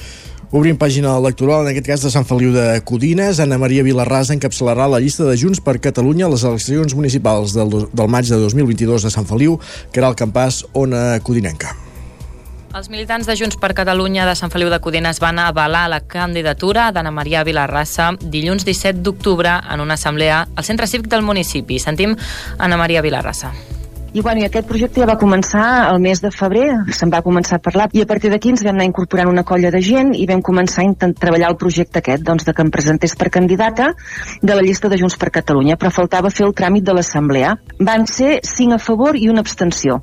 Vilarrassa ja havia estat vinculada en política com a regidora a l'oposició. Bueno, el neguit, el neguit, jo ja vaig estar en política fa, sembla, quatre legislatures. Va ser un any que vaig presentar-me per Convergència i Unió i vaig, vaig anar a l'oposició. Varen uh -huh. perdre i vaig anar a l'oposició. Ja tot el tema em va agradar, el que passa que tampoc era el meu moment. Tenia la canalla molt petit i no m'hi podia dedicar. I ara ja, doncs, personalment ho puc fer-ho i tinc ganes de treballar pel poble. D'alguna manera penso que Sant Feliu es poden fer moltes coses, pot ser un poble en futur, en projectes, i serien aquests dos motius, tant personal com a nivell doncs, meu, de, de que, bueno, soc de Sant Feliu de tota la vida i em fa il·lusió, em fa il·lusió i tenir un poble que me'n senti orgullosa jo i tota la gent que hi, que hi vivim. Ara s'han posat a treballar per anar perfilant la llista i el programa electoral. Amb ella, de moment, Sant Feliu de Codines ja té tres caps de llista confirmats. Laia Jordana amb el PSC, Pere Pladevall amb Junts per Sant Feliu. Primàries Codines ha començat el procés per elaborar la llista, però encara no han confirmat qui la liderarà. Gràcies. Caral, més qüestions. Anem cap al Ripollès perquè el ministre de Cultura, Miquel Iceta, va visitar dissabte la portalada de Ripoll, que aspira a ser candidata a Patrimoni Mundial de la UNESCO. Isaac Muntades, la veu de Sant Joan.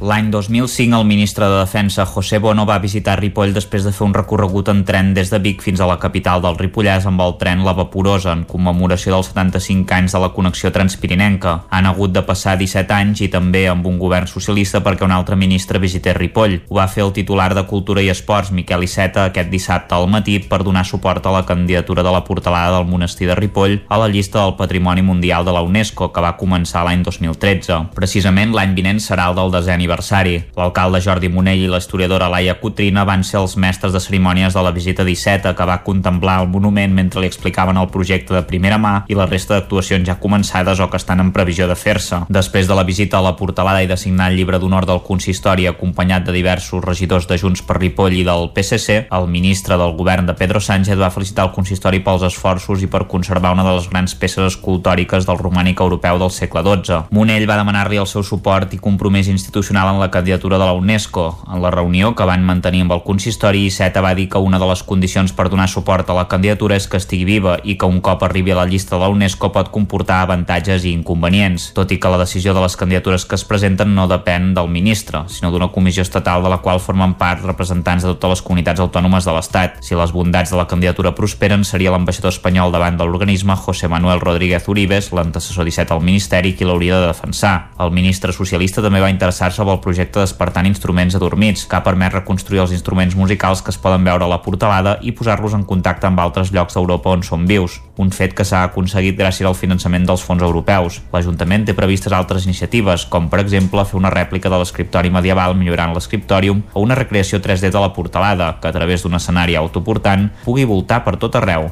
Gràcies, Isaac. Més qüestions. El Consorci Hospitalari de Vic investiga l'origen de la infecció per malària que el passat 9 de setembre va provocar la mort a un home de 74 anys veí de Prats de Lluçanès. La família creu que la infecció s'hauria produït a l'Hospital Universitari de Vic, on l'home havia estat operat de l'esquena dos mesos abans. Tot i que la investigació interna que ha obert el centre encara no permet confirmar aquesta hipòtesi, la família vol fer difusió del seu cas perquè no es torni a repetir.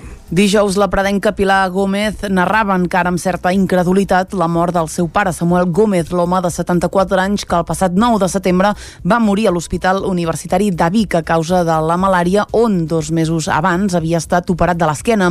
La notícia va transcendir a principis de la setmana passada a través del País. En aquesta primera publicació, la família ja apuntava que la infecció s'hauria produït durant la seva estada a l'hospital, una hipòtesi que mantenen. En declaracions al Nou TV, la seva filla assegura que ni l'afectat ni ningú del seu entorn més proper havia viatjat a cap país on la malària és una malaltia endèmica. Tampoc tenia restes de la malaltia la sang dels dos donants de qui l'home havia rebut dues transfusions, així ho explicava Pilar Gómez. Uh, Sanitat Pública va fer dues investigacions sobre el banc de sang i no hi havia la malària, aquella sang. Fins i tot van tornar a buscar els dos donants, els van tornar a investigar i els dos donants no tenien malària. I després van venir a posar uns paranys del centre d'epidemiologia aquí a casa del meu pare, aquí a l'Hort, que és on ell feia vida, i al voltant de l'hospital, per si el dia abans d'entrar a quiròfan que hagués pogut picar el mosquit. I amb aquells paranys tampoc van trobar aquest mosquit. O sigui, si no estava la sang i no estava el mosquit, no existeix doncs es va tindre que contagiar a dins de l'hospital la família no té previst presentar cap denúncia al centre, però sí que vol donar difusió al seu cas. Per la seva banda, el Consorci Hospitalari de Vic recuperarà el cas a l'auditoria externa que realitza dos cops l'any i es compromet a revisar a fons els contagis nosocomials als que els pacients adquireixen durant la seva estada a l'hospital. Un escenari poc freqüent, tot i que real, i que el centre haurà de revisar. Més qüestions. Dins dels actes de la Setmana Bio per l'alimentació ecològica, el Consell Català de Producció Agrària Ecològica ha mostrat com fan les inspeccions als productors que hi estan inscrits. Va ser en una explotació usonenca, a la formatgeria Mas Algaret de Tona, un referent de la producció de formatges i productes làctics ecològics de Catalunya. En una visita oberta, la formatgeria Mas Algaret de Tona i el Consell Català de Producció Agrària Ecològica mostraven dimecres passat un exemple d'explotació de producció ecològica i també les inspeccions que realitzen des del Consell. La usonenca compta amb mig miler d'animals i és la primera planta automatitzada a Catalunya que produeix formatges i productes làctics ecològics de manera autosuficient, tal com explicava Lluís Mauri, formatger del Mas Algaret. Sempre havia vist els problemes que hi havia hagut sempre a la ramaderia i a l'agricultura tradicional, que sempre produïem però sempre acabàvem venent eh, amb, amb un revenedor o amb, o amb un comercialitzador, mai arribaves a consumidor final. El fet de poder-nos treballar el nostre producte, que en aquest cas era la llet, poder-la transformar i arribar al consumidor final, per mi això era l'objectiu i tancar doncs, aquest, eh, aquest projecte. En la visita també es van detallar els requeriments del Consell Català de Producció Agrària Ecològica com a entitat de control i certificació de productes. El seguiment, tal com explicava Enric de Caral, responsable d'inspecció del Consell, inclou una visita presencial anual en què també s'analitza la documentació aportada pels productors. Ell està encarregat de portar tots els registres de, i documentació que genera de la seva activitat i nosaltres ens encarreguem de verificar i garantir que segueix la normativa de producció ecològica i que els aliments que ell produeix en la seva explotació eh, doncs arriben al consumidor amb la garantia de que han eh, seguit aquesta normativa. Durant el recorregut per la formatgeria, Lluís Mauri avançava als visitants que ve una temporada dura per l'alimentació del bestiar a causa de la falta de pluges. En aquest sentit, l'explotació ha incorporat en l'alimentació del bestiar plantes més resistents a la sequera. Gràcies, Clàudia. Avancem en aquest repàs informatiu perquè torna l'Ecogram, la Fira de Productes Ecològics i Teràpies Naturals de Granollers. Pol Grau, Ràdio Televisió, Cardedeu. A causa de la Covid, la Fira Ecogrà no s'ha pogut celebrar des del 2018, però aquest dissabte una trentena de parades s'han situat als carrers de Joan Prim i Anselm Clavé per celebrar la decena edició de l'Ecogrà. La Fira de l'Artesania i l'Alternativa de Granollers ha reunit un total de 27 expositors que han mostrat els seus productes i serveis de dos quarts de deu del matí fins a les 8 del vespre. Les altres edicions, la fira durava tot el cap de setmana, però amb aquesta fusió ho han concentrat en un mateix dia i s'ha canviat la localització. Així ho explicava Isabel Martí, presidenta del Gran Centre. L'hem traslladat una mica més cap al centre, o sigui, comença Joan Prim just amb Torres i Bages fins a l'alçada del museu del carrer Anselm Clavé, o sigui, a la carretera al centre.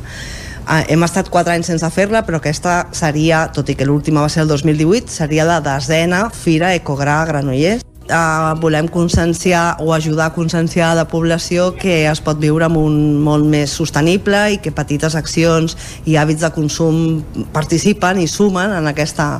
Llavors hem convidat tant associats de, de Gran Centre i Comerç de Dalt com altres eh, professionals que es dediquen a, al tema eco la fira, organitzada per Gran Centre, a partir de la fusió amb Comerç de Dalt, va oferir diferents activitats complementàries durant tota la jornada. Gràcies, Pol. Acabem aquí aquest repàs informatiu quan passen 12 minuts del punt de les 10, un repàs informatiu que començàvem a les 10 en companyia de Clàudia Dinarès, Pol Grau, Caral Campàs i Isaac Muntades. Moment ara de saludar de nou en Pepa Costa per conèixer la previsió del temps. Casa Terradellos us ofereix el temps.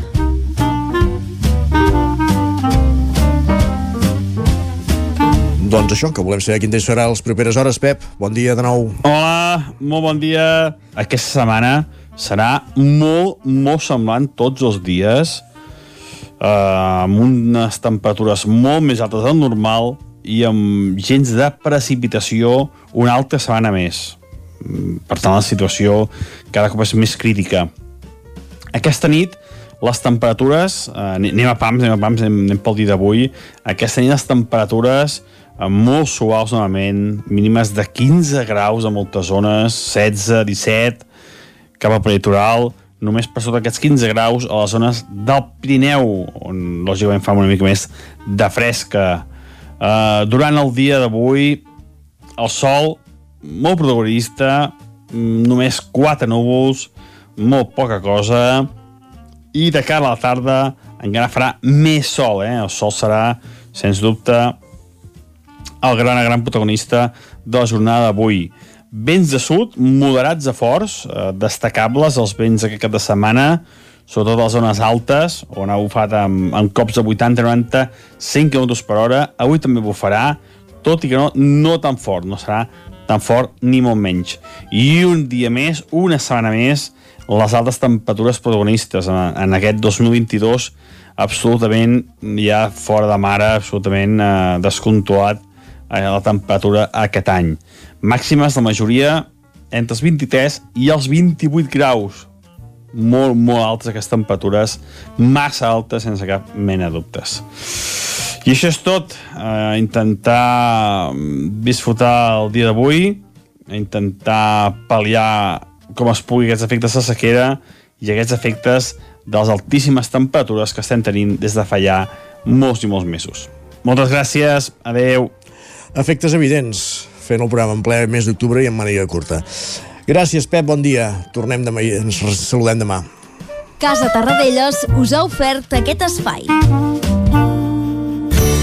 Territori 17. Envia'ns les teves notes de veu per WhatsApp al 646 079 023. 646 079 023. WhatsApp Territori 17.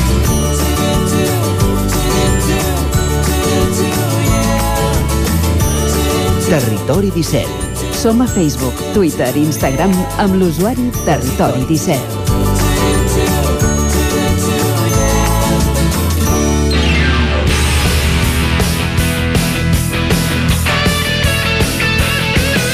Clavats justos, un quart d'onze del matí al territori 17. A aquesta hora el que toca els dilluns és parlar d'esports, de repassar com ha anat la jornada esportiva del cap de setmana pels equips de les nostres comarques i ho fem recorrent amb una roda les diferents emissores del territori 17. Un recorregut que comencem a Ràdio Televisió Cardeu. Pol Grau, benvingut, bon dia. Pol, no et sentim. No sé si tens algun problema al micròfon. Hola, bon Ara dia. sí, perfectament. Ara sí, eh, bon dia. Eh, comencem amb el repàs esportiu amb els equips de la jornada, on aquest cap de setmana no hi ha hagut un balanç positiu, malauradament pels equips, però comencem a segona catalana, Uh -huh. amb el Cardedeu, que ha perdut per un gol a dos contra l'Argentona, on segueix mantenint la segona posició, però l'Argentona s'escapa.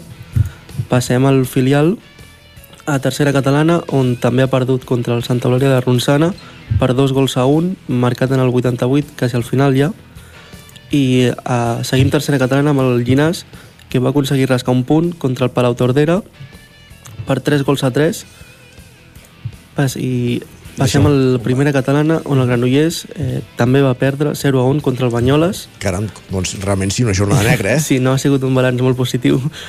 I eh, passem amb vol amb el amb vol masculí el Franklin Gra- Granollers on també va perdre per 43 a 32 contra la banca Ademar León a les, a la, a la, a Granollers femení el CAC, el CAC 7 també va perdre 23 a 28 no, perdó sí, sí, va perdre 23 a 28 contra el Orbe Por Porriño. Sí. i passem al bàsquet on el Llinàs també va perdre contra el Vilanova del Vallès per 47 a 46, 47 a 56 en canvi el Club Bàsquet Granollers és l'únic que ha guanyat per Home, 75 a un, 70 per contra el CSA així un ha guanyat almenys Molt bé, eh, Pol, moltíssimes gràcies. Bon dilluns. Bon dilluns. Continuem aquest recorregut, anem fins a una codinenca. Eh, espero que no continuem amb aquesta tendència també a perdre's que deia en Pol, eh? Caral, bon dia. Bon dia. Tenim més, eh, Més sort. bones... No, sé, no, no, no massa, però una mica més. Eh, començo per l'hoquei on no ha anat, no ha anat bé. L'hoquei Lliga Plata. Ahir va haver derrota en aquesta estrena de, del primer equip del Sant Feliu en el seu debut a la temporada contra l'Alcoventa Alcobendas, perdó, en un partit que va acabar per 1 a 4. Per tant, bé, començo amb aquesta mala notícia en hoquei, però bé, en futbol, la primera catalana, el Caldes ha sumat la segona victòria en Lliga eh, en un partit dominant contra el Figueres. Eh, el maig va acabar amb un 2 a 1 que fa justícia amb la represa, sobretot com a moment clau pels, pels calderins. El Caldes suma així 7 punts en 4 jornades i es situa tercer a la classificació. I encara en futbol, però a tercera catalana en tenim dues de fredes i dues de calentes, podríem dir. Eh, les bones notícies són a casa. El Sant Feliu de Codines es van dur el partit disputat al camp del Sant Quirze de Besora per un 1 a 2, un més 3 que empata l'equip a 13 punts amb el Mollà que es disputen la segona i tercera posició a la classificació. I el Vigas, el Vigas va rebre golejada pel, pel Taradell en la seva visita a Osona en un marcador que va acabar per 4-2, un Vigas que segueix sent cué en un molt mal debut a, a tercera. I encara al grup 5 de tercera catalana, el Mollà va rebre la primera derrota de la temporada un resultat eh, que fa mal pels moianesos perquè és el primer partit que perden en el seu debut a tercera eh, un maig que va acabar amb Olímpic La Garriga 2, Mollà 1. Uh, però bé, eh, encara es mantenen, en, es disputen aquesta tercera posició amb el Sant Feliu de Codines. I acabo uh, encara a tercera, però el grup 7, amb el Caldés, que va golejar el Castellnou Unió Esportiva en un partit que va acabar per 1 a 4 i bé, així el Caldés suma 3 punts que el situen en setena posició amb 10 punts. Perfecte, doncs algun equip més que ha sumat punts. Gràcies, Caral. Sí, merci. Continuem aquest recorregut, anem a la veu de Sant Joan, allà hi ha l'Isaac Muntades un dilluns més. Isaac, bon dia. Bon dia. Com ha anat la jornada, esportivament parlant? Mm, bé, no ha anat massa bé realment, eh? Vull també, dir, de, hi ha hagut... també ets de la Lliga dels també va perdre, vaja, com un plou. Sí, o, o, sí que hi ha hagut alguna victòria, però també hi ha, hi ha hagut de, derrotes, però si us sembla comencem per, per l'exhibició de trial que va haver-hi doncs, eh, aquest cap de setmana a Ripoll, que es va celebrar a les instal·lacions del Centre de Tecnificació Esportiva de la Vallaneda, en què hi havia 12 pilots internacionals, 6 nois i 6 noies, i, i bé, el guanyador en categoria masculina va ser Dani Barón i el francès Vicent eh, Hermans va ser segon, mentre que el pilot de Viladrau, Eloi Palau, va ocupar la tercera posició i la victòria femenina va ser per Vera Barón, l'alemanya Nina Reichenbach va ser segona i Laia Esquís tercera. I fet aquest apunt de trial, comencem per al futbol, el grup 18 de la tercera catalana, com us deia, no va anar massa bé. El Can Davant, el que és segon a la Lliga amb 11 punts, va perdre el seu primer partit contra la Mer per un contundent 4-1 en què els locals van ser més efectius. Aissa va obrir el marcador i Maideu va empatar just després, però Sánchez va capgirar el marcador abans del descans i als darrers minuts del partit els amarencs van sentenciar amb un doblet de Taric. També va perdre sorpresivament la Badesenc per 0-1 contra pronòstic davant del Sant Privat d'en Bas amb un solitari gol de càmera a la mitja hora de joc, pel que ja no va tenir doncs, reacció al conjunt Sant Joaní. També té 11 punts la Badesenc, però és quart i el Camprodon és desem 9 punts després de, de sí, en aquest cas, derrotar el Sant de Pau, que teòricament era un rival fàcil i, i li va costar, eh? només va aconseguir un bon solitari gol de Busquets a la segona part, però van ser suficient doncs, per endur-se els 3 punts al Ripollès. Uh, a la Nacional Catalana d'Hockey, importantíssima victòria de l'hoquei Ripoll a la pista del Picat B per 3 a 4, en un partit en què el Ripoll va dominar, de fet va marxar al descans amb un 1 a 3 tot i que els locals van aconseguir empatar a la segona part però el Ripoll va, va fer el 3 a 4 i el porter va aturar una falta directa clau en els últims minuts que gràcies doncs, al doblet d'Enric, a Jaume i a Pau que van fer els gols del Ripoll, doncs ara els ripollesos són sisens a la taula amb 6 punts. I per acabar, nova derrota del Ripoll de la Primera Nacional de Futbol Sala que va caure per 4-2 davant l'Albelda eh, en l'últim sospir tot i que bueno, els ripollesos van marxar al, al descans amb un empat, van capgirar el marcador, es van posar un a 2, amb 2 a 2 semblava que acabaria el partit, però a l'últim minut, doncs, eh, aprofitant una errada, van fer el 3 a 2 als locals i en porter jugador eh, no va saber defensar bé el, el Ripoll, van fer el, el 4 a 2 amb gols de Dani Canjal pels ripollesos. Ara el Ripoll és 11 amb només 3 punts. Perfecte, doncs gràcies Isaac. Parlem d'aquí una estona a la tertúlia. Fins d'aquí una estona, adeu. I acabem aquest recorregut com cada setmana als estudis del 9FM. Aquí ens espera l'Ester Rovira. Benvinguda. Bon, Bon dia. dia. Ai, acabat de posar els auriculars, ara sí.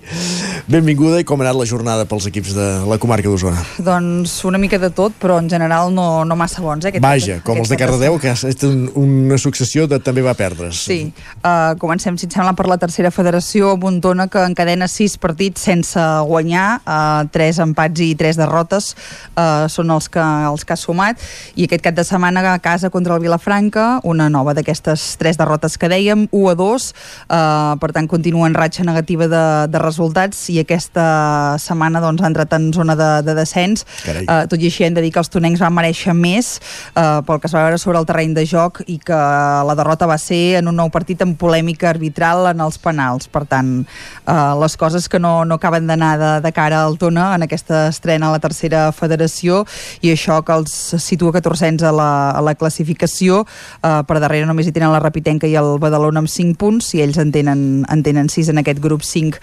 En el cas de la primera catalana, eh, la nota positiva és el Torelló, que continua intractable a casa, i aquest cap de setmana els Pescallunes, eh, que van continuar sense encaixar, jugant com a locals, i davant del Palamós, de tot un històric com, com el Palamós, 4-0 eh, van, van guanyar, per tant, eh, aquesta dinàmica positiva de, del primer equip com a local, en la que també és doncs, la seva estrena a la, a la primera catalana aquesta temporada, i això fa que ara mateix els torellonencs siguin el conjunt usonenc millor classificat en aquest grup de la primera catalana de futbol, són quarts, amb, amb 6 punts uh, per darrere de l'Escala, el Can Givert i el Caldes de, de Montbui. Per darrere seu el Vic és sisè, amb un punt menys, amb 5. Uh, hem de dir que van dominar uh, en la seva visita al Mollet, però només van aconseguir empatar uh, a un gol en un partit que en línies generals va ser discret pels biguetans i el Matlleu va perdonar uh, la seva visita al bosc de Tosca i va deixar escapar dos punts a la segona part, 3 a 3 uh, en aquest enfrontament dels malleuencs. Uh, per tant, ara mateix el Matlleu, que és vuitè, amb 5 punts, que són els mateixos que el Vic, com dèiem, el, el Torelló, eh, el conjunt que ara mateix eh, ocupa una posició més alta de la, de la primera catalana. Uh, D'altra banda, aquest cap de setmana començava també l'hoquei Lliga Plata i el grup sud, el Club Pativic, uh, va estrenar-se salvant un punt al final del partit que l'enfrontava a casa contra el Ribes, 4-4. Uh, hem de dir que una primera part molt fluixa va obligar-los a, remuntar uh, perquè anaven amb un 1-4 uh, advers, per tant, aquesta estrena amb empat del Club Pativic, l'únic que, que ha començat a jugar perquè el, uh -huh. el Taradell uh, i el Manlleu ho faran en les properes jornades a causa de, dels World Roller Games que es disputen uh, aquests dies. I en bàsquet a la Lliga EVA primera derrota del Club Bàsquet Vic Universitat de Vic en la quarta jornada. Portaven tres victòries que els feien ser líders i aquest cap de setmana van ensopegar a la Bisbal a la visita al Sol Gironès per 73 a 59 uh, i ara mateix doncs, són segons a la, a la classificació darrere el Mallorca amb 7 punts, els mallorquins que en tenen 8 uh, i no sé si tenim temps per... Tenim un minut i mig, un sí. minut i mig, sí. En tenis taula aquest cap de setmana es disputava uh, una fase de la Europe Cup a, a Vic uh, i el Gerbau Vic TT que no va tenir sort, va perdre els dos partits d'aquesta segona fase de, de grups, el primer contra el Castel Gofredo per 3 a 1 i el segon per 1 a 3 contra el Nonotec Vilac i per tant ha quedat eliminat d'aquesta segona competició europea de tenis taula, Carai. tot i que uh, hem de dir que uh, també diumenge jugava partit de Lliga a casa contra l'Irun l'EKNA i en aquest cap eh, en aquest cas va aconseguir una, una victòria important a la, a la Lliga i acabem amb, re, amb un apunt més per destacar que aquest cap de setmana per exemple es disputava una nova prova de ciclocross a Manlleu on van participar més de 300 ciclistes al trofeu Joan eh, Soler i també per exemple que en el Rally d'Andalusia eh, hi va haver-hi podis usonencs amb un Gerard Ferrés eh, i, i Marc Solà que van fer un bon, eh, un bon paper en aquesta prova de, de preparació de cara al proper eh, Rally Dakar i això seria el, el més destacat d'aquest cap de setmana en clau usonenca. Doncs moltíssimes gràcies, Esther. Que vagi bé. Bon dia. Continuem, avancem al territori 17, deixem enrere ja els esports, però no tota l'actualitat esportiva. Ja sabeu que a la darrera mitja hora del programa els dilluns la dediquem a la tertúlia esportiva, a parlar dels resultats dels partits del Barça, del Madrid, del, del Girona, de l'Espanyol, i ho farem avui en companyia de Lluís de Planell, eh, Agustí Danés, Isaac Muntades i, i Pol Grau. Serà després de repassar les pilades amb Guillem Sánchez a dos quarts d'onze en punt. Ara, una pausa, tres minuts i tornem. El nou FM, la ràdio de casa, al 92.8. A Deportec estem especialitzats en el tractament d'aigües residuals i el tractament de purins. Donem un servei integral en el tractament de l'aigua, oferint el disseny de la línia hidràulica, reparacions i manteniment, analítiques, formulació i subministrament de productes químics. Ara a Deportec et podem ajudar a obtenir un gran estalvi energètic en la deshidratació de fangs, oferint-te un sistema innovador, el Depordisc. Deportec, ens trobaràs al carrer de la Fusteria 22, al polígon de les Gaules, a Tona. Ja tens la teva disfressa de Halloween? A Manli tenim les més terrorífiques. Vine a buscar caretes i tots els complements que et calguin per passar una nit de por. Ens trobareu al carrer de Ramon Soler número 1 de Vic i també a manli.cat. A Manli fem de la festa una bogeria. A Rialtec som especialistes en instal·lacions fotovoltaiques, aerotèrmia, clima i instal·lacions integrals pel teu habitatge o la teva empresa. Demana el teu pressupost sense cap compromís. Rialtec. Ens trobaràs al carrer Narcís Monturiol 22 de Gurb i al telèfon 93 131 1796. Als teus fills els agrada la tecnologia? Apunta'ls a Codelearn, l'extraescolar de programació i robòtica que els ajudarà a preparar-se per al futur i a ser creadors de tecnologia. Gràcies al mètode Codelearn, cada alumne aprèn al seu ritme i pot començar quan vulgui. Us esperem a la Ronda Francesc Camprodon número 45 de Vic. Més informació a codelearn.cat. Passema, comercial de maquinària i utillatges amb més de 50 anys al vostre servei. Visiteu la nostra botiga i trobareu productes de gran qualitat. Passema, som al polígon Sot dels Pradals, al carrer Cervera 10 de Vic. Telèfon 93 885 32 51. Cocodril Club. Si t'agrada la bona música dels anys 60, 70 i 80, escolta el 9 FM els matins de dissabtes i diumenges d'11 a 1. És el temps del Cocodril Club, tot un clàssic de la ràdio, amb les bases del pop-rock, les llegendes, les cançons que s'han convertit en autèntics himnes. Recorda, dissabtes i diumenges al matí, d'11 a 1, al 9 FM 92.8. Cocodril Club, el programa revival de l'Albert Malla. Hasta luego, Bon dia, són les 9 al Territori 17. Hola, Miquel Parella, alcalde. Cada matí i durant dues hores t'acompanyem i et posem al dia de l'actualitat de casa nostra. Potenciant així l'autonomia En aquest cas me la pesa el teler si no... cursos per feminitzar el pensament masculí. Territori 17, el magazín matinal d'Osona, el Moianès, el Ripollès i el Vallès Oriental. Que la meva àvia de 93 el anys... 9 FM, el 9 TV, el 99.cat i també els nostres canals de Twitch i hora YouTube. demà per fer-se un tatuatge. Cada matí, Territori 17. Ole. El 9 FM, el 9 FM, el 9 FM. En punt, ara mateix, dos quarts d'onze al Territori 17, moment d'endinsar-nos al món de Twitter, moment de saludar en Guillem Sánchez.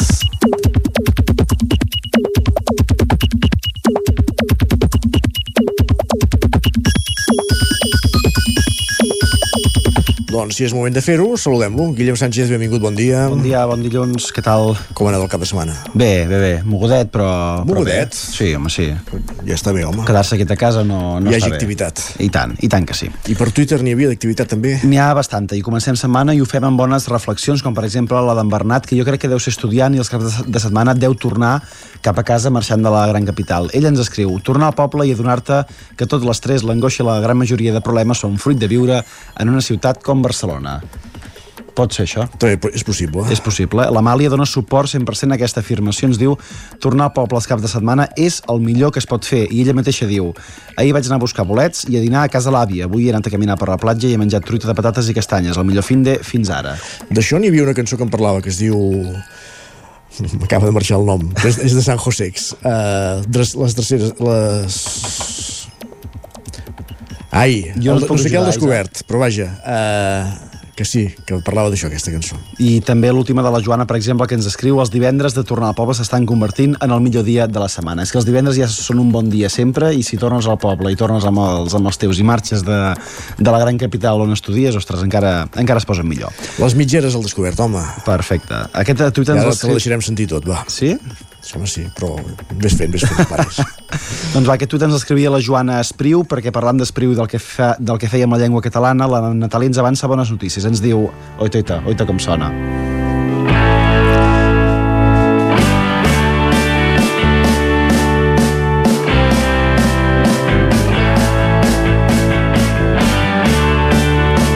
les mitgeres al descobert tot el que puc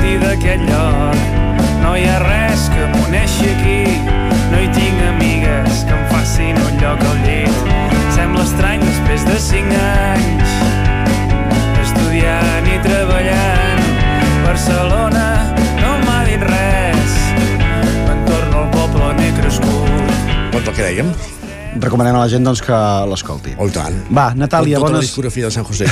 Què més? Va, perdó. Natàlia, bones notícies, ens, ens diu em tranquil·litza moltíssim que la mestra del meu fill faci bé els pronoms febles.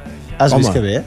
Potser no és gaire habitual, això. Home, estaria bé, és, és, lo, normal, lo normal. El, el més normal seria que ho fos.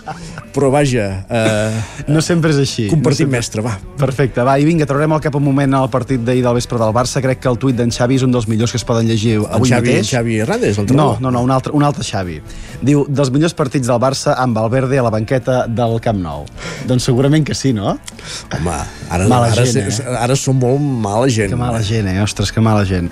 Va, i tot i que l'opinió d'en Jaume també m'ha semblat molt encertada, ens escriu pensant ja únicament en el partit de la segona volta a Bilbao amb Gavi i Dani García. Es devien fer amics ahir, eh? No Mare sé si van quedar per anar, per anar a prendre alguna cosa llavors que, quan va el acabar cas el és que tots dos van acabar lesionats, mira, és Sí, correcte. I la Mireia ho té clar, diu si jo sóc la mare de Gavi, espero el jugador a la sortida del camp. Carai. El millor és que, per qui no ho sàpiga, no van xiular ni falta en aquella acció i en Xavi va acabar amb targeta groga. Per tant, tot, tot perfecte. I no sabem per això si la Núria va poder veure aquesta acció després del que li va passar. Ens escriu, marca el Barça i marxa la llum al barri. Incidència que no se solventarà com a màxim fins a dos quarts de dotze de la nit i jo amb poca bateria. Diu, me va dar algo. Caram. Home, uh, quedes una mica fotut, eh? Si, si no pots veure el Barça, si marxa la llum, diumenge a la nit... És, és de Clar, mal fer, perquè, això. perquè a més d'això, tothom està mirant el futbol i per tant el senyor que ho ha arreglat també. Per tant, fins que no el partit no, no anirà a arreglar-ho. Correcte, i va, per acabar una proposta que ens fa en Josep, una mica llunyana, però bé, ja li agafem per si algú ens eh, vol donar-hi resposta. Diu, suposant que arribi el fred i la neu, diu, algú fa festa la setmana del 5 al 9 de desembre per anar a esquiar? Home, molts. Jo no, jo, no serà el meu cas, però estic segur que sí. Home, allò és un aquaducte espectacular aquest any, eh? Correcte, doncs ja sabem que l'Isaac no, però si algú es vol sumar a la proposta de- d'en Josep, que li escrigui per Twitter i potser, mira, es poden I els que no vagin a esquiar et diré on van, també. Mercat Medieval. El mercat medieval de... Ostres, és veritat, ja no havia pensat. Doncs no, no, tothom cap a Vic, tothom cap a Vic No, aquí al mercat no, no, no cal, no cal. Ja vine prou. Va. Que vagi bé, Isaac. Gràcies, Guillem.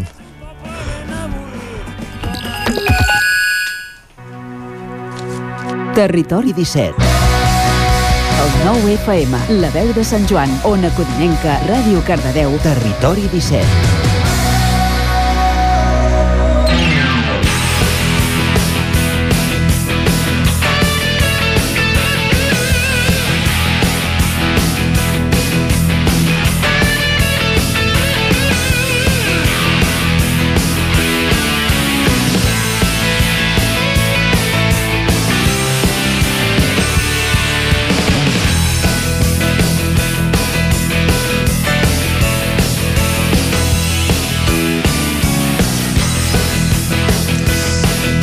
Doncs som en temps de tertúlia, tertúlia esportiva, continuant aquest preàmbul que fèiem amb les pilades del partit del Barça i amb l'Atlètic de Bilbao. El Barça va guanyar 4-0, però no és l'únic partit del cap de setmana. També ha jugat l'Espanyol, també ha jugat el Girona, amb dos empats, i també victòria de, del Madrid davant del Sevilla. En volem parlar de tot plegat amb en Lluís de Planell, amb l'Agustí Danés, amb en Pol Grau i amb l'Isaac Muntades. Benvinguts tots plegats. Hola. Bon dia. Bon dia. Bon dia. Hola. Per on voleu començar? Uh, perquè de, de teca, com sempre, n'hi ha. Comencem pel partit del Barça, que és el més recent. Parlarem dels empats de l'Espanyol i del Girona, eh, Lluís, també? Ah, bé. No, la, començo. la setmana passada ens has dit que no havia sigut una setmana tràgica, perquè els altres també jugaven. Bueno, aquesta setmana... Uh, no sé si descans girar les tornes perquè l'Espanyol ha empatat però també, també és cert que és una dinàmica que no és gaire uh, positiva, si més no Però parlàvem del Barça. però parlarem de tot, va ah. Agustí, com va ser el partit d'ahir? Bé, bueno, jo començaria pel principi, un partit que, de fet, com aquests dos últims partits del Barça, no? Vull dir que des de l'últim dia que ens vam veure i ens vam sentir aquí a la tertúlia del territori 17, que semblava un funeral, això pels del Barça, no? De dir, Ah, tot, Barça. tot, tot, tot va malament, ens han fet mig fora de la Champions, hem perdut el camp del Madrid. Això en una setmana és l'avantatge del futbol, no? Sí. Que comentàvem que, que a diferència del que passa en altres àmbits de la vida, això no es passa amb el futbol i amb la quiniela que cada setmana tens una nova oportunitat, no? I, i, i, amb, i tal com va el calendari, no, dues noves oportunitats cada, cada setmana, i per tant el Barça en quatre dies, no? que, que és el període que va de, de dijous a diumenge, bueno, no, no ha arreglat res, però sí que ha canviat una mica les sensacions amb el sentit que eren dos equips, el Villarreal i el Bilbao, a casa, per tant era lògic o si haguéssim de fer una travessa era lògic que el Barça els guanyés, però jo crec que els ha guanyat amb molta facilitat, no? Els dos partits han durat mitja hora només, que cadascun dels dos partits, el Barça ha liquid, va liquidar tant el Villarreal com, com el Bilbao en, en mitja hora va, va, va liquidar els dos partits i després doncs la, la hora restant que queda és una altra història però vull dir que, que, que des d'aquest punt de vista mm, bueno, el Barça ha, ha recuperat ja alguns jugadors, no? com a, a darrere sobretot, en Condé, va continuant fent rotacions, i aquesta mica potser de canvi de, de, de plantejament també, de, de no jugar amb, el, amb els dos extrems, sinó posar una mica més de gent per, per dins i reforçar el centre del camp, i això eh, aquests dos dies ha anat bé i després el tema del davanter centre crec que és molt important el paper d'en Lewandowski és evident, ho diuen els números però els números no ho expliquen tot no? perquè hi ha, hi ha una part de, de, de, de presència de, del que fa ahir mateix el, el, el gol que fa aquest eh, amb la passada que ell mateix que gira sobre ell mateix vull dir que jo crec que aquest jugador és una mica més que un golejador i un davanter centre té un, bueno, unes qualitats que, que, que no les hem descobrim pas ara eh? que de fet ha fet, ha fet gols sempre però tinc la sensació que porta una mica més del que diuen les estadístiques totes maneres, tu ho has dit, eh? mitja hora i després l'altra hora eh, avorrit. Ja està, sí, sí. Però és que ja estava, no? Ja, ja, però esclar... Però això passa sempre, no, no, no, no, no. Sí, sí, sí. No. sí. Nosaltres no, nosaltres els partits els, els, els, els perdem o perdem algun punt bueno, al minut 92. Perquè no, perquè no estan decidits, però els partits ah, quan estan decidits passa sempre. Jo aquest cap de setmana vaig anar a veure, de, de nanos, vaig anar a veure el Taradell amb el Sant Julià i a la mitja part anaven 6 a 0 guanyava el Taradell 6 a 0 ja estava el partit, segona part no compta. Al final van quedar 9 a 0 però és igual, però esclar, que el Barça passa el mateix. El Barça passa el mateix. Hi havia tele... sí, el Barça amb el Bilbao és el mateix que el Taradell és el mateix que el Taradell amb, el Taradell amb el Sant Julià que quan el partit s'ha acabat una estadística. el partit s'ha acabat la, la resta no. necessites consumir minuts no necessites més. No. el Barça va fer això va administrar el joc, va fer canvis, llavors la gent canta, bueno, fan l'onada... El partit això. aquest de Sant Julià el donaven per la tele o no? No, era, era Taradell. El de Taradell, el donaven sí. per la tele. Va acabar, a la, a la mitja part anaven 6 a 0. Per ja això, estava, ja estava. El Barça és el mateix. Però és, Encara partit, aquest va durar més. Va durar partit, és un partit pels pares, però, però esclar, si el veus per la tele i ets imparcial, doncs esclar, jo quan vaig veure que em vaig connectar, estava 3 a 0 i ja me'n vaig anar a la pel·lícula. És això, doncs això, sí. és que ja estava. El Barça ha fet això, els ha liquidat aquests partits. Això també passava a l'època d'en Guardiola, els liquiden. No té cap interès. I això té mèrit. Digues, Isaac. Això té mèrit. Ah, no, que dic, abans, abans els tuits, en, en Guillem Sánchez ha, fet un, ha, ha parlat d'un tuit que m'ha fet molta gràcia, que deia ha, ha estat el millor partit de Valverde al Camp Nou. Clarament, però és que l'Atlètic de Bilbao és un d'aquells equips en què no pots confiar mai al Camp Nou que, que faci alguna cosa. Us, us donaré una estadística que a mi m'ha sorprès molt, que engloba els dos equips bascos, que, que també són dels dos equips que amb el Madrid li donen molta guerra quan van al Bernabéu, i en canvi el Camp Nou sembla que surtin derrotats. Les últimes 46 visites oficials d'Atlètic de Bilbao i Real Societat, sabeu quantes victòries han aconseguit entre els dos? Dues? Zero. Zero. Cinc empats i 41 derrotes. Els cinc empats, eh? Són equips que ja no hi confio. És com, és com una mica el Villarreal, que arriba al Camp Nou i, i també, no sé si l'estadística... no, però fa dos anys també 4-0 també en tu, pocs minuts a tu que t'agraden les estadístiques l'estadística sí. al Camp Nou Madrid no deu ser gaire diferent mm, L'estadística al Camp del Madrid dels últims anys, recordo, per exemple, no que el Villarreal ha, ha empatat, em sembla que els últims dos però no o tres parlàvem dels bascos, Bernabéu. ara. No parlàvem sí, dels bascos. Però, però, però estem parlant de la setmana completa, que tu també has parlat del Villarreal. I l'Atlètic de Bilbao, si no recordo malament, l'any passat sí que se'l va guanyar, però portàvem també dos o tres empats, perquè ens ho posen doncs més difícil, no sé per què, surten derrotats, ja, bueno, deu, deu ser que, que els agrada això, no però, però però és igual, l'estadística també diu que el Barça feia molt de temps que no guanyava eh, 9 dels eh, primers 11 partits, em sembla que, que en 7, però ha perdut el més important, que era el del Madrid. I el Madrid ara mateix és líder. El Barça pot guanyar els partits 3, 4, 0, eh, descansar mitja hora, però està eliminat de la Champions pràcticament i a la Lliga va segon. Per tant, mm, fa una setmana és veritat que la cosa està molt malament per als aficionats del Barça, ara tampoc és el millor equip del món, eh? Vull el que no està escrit en lloc, això m'agrada la frase aquesta que, no. que va perdre el més important, perquè el que no està escrit en lloc és que els punts del Madrid valguin més que els del Rayo Vallecano. De moment està, eh, Jo- fan que aquests jo- punts el Madrid estigui per sobre. A, Ma- a, a Manlleu jo anàvem a col·le i ens deien que, que valen igual. O sigui, tres. Tres punts. és que és molt bo. Si, és molt bo. si els perds amb el Madrid no els guanyes tu. Exacte. Va, valen el mateix els punts. Exacte. Sí, però no, si els perds amb el Madrid Sí. no els guanyes No és tu. el més important. Tres punts igual. 3 punts. Ja, ja, ja. Tres punts. Com els de l'Inter amb el Victoria Pilsen. Si són 3 punts, el Barça al carrer. I a l'Europa League. És molt llarg. Dimec, eh, És dimec, molt- quan juguen? Dimecres o dimarts? És, que no sé quan és, juguen. molt, és molt llarg tot això. Dimecres. I això ha, ha començat aquest any el calendari és més picat i passen coses al Madrid, Sí. la veritat és que... Queden tres partits, com eh, a- abans del el- Mundial. El Madrid està bé, a mi em sorprèn una mica perquè jo no esperava aquest, aquesta arrencada tan... però aquí hi haurà l'aturada del Mundial i a partir del desembre, el 31 de desembre això serà una altra cosa i el que sí ja no, ja no té marge de correcció és el tema aquest de la, de la Champions. Això no té marge de... O sigui, aquí no hi ha marge per, per, per corregir això però, però la resta és molt llarg. Aquesta lliga segur que o la guanyarà el Barça o la guanyarà el Madrid. Això, Home, això és, està clar. és claríssim i per tant dependrà de, de poques coses dependrà potser del partit del Camp Nou potser dependrà d'això que també val 3 punts, eh? val els mateixos Espero, espero que, que sigui una, la cosa una mica més emocionant.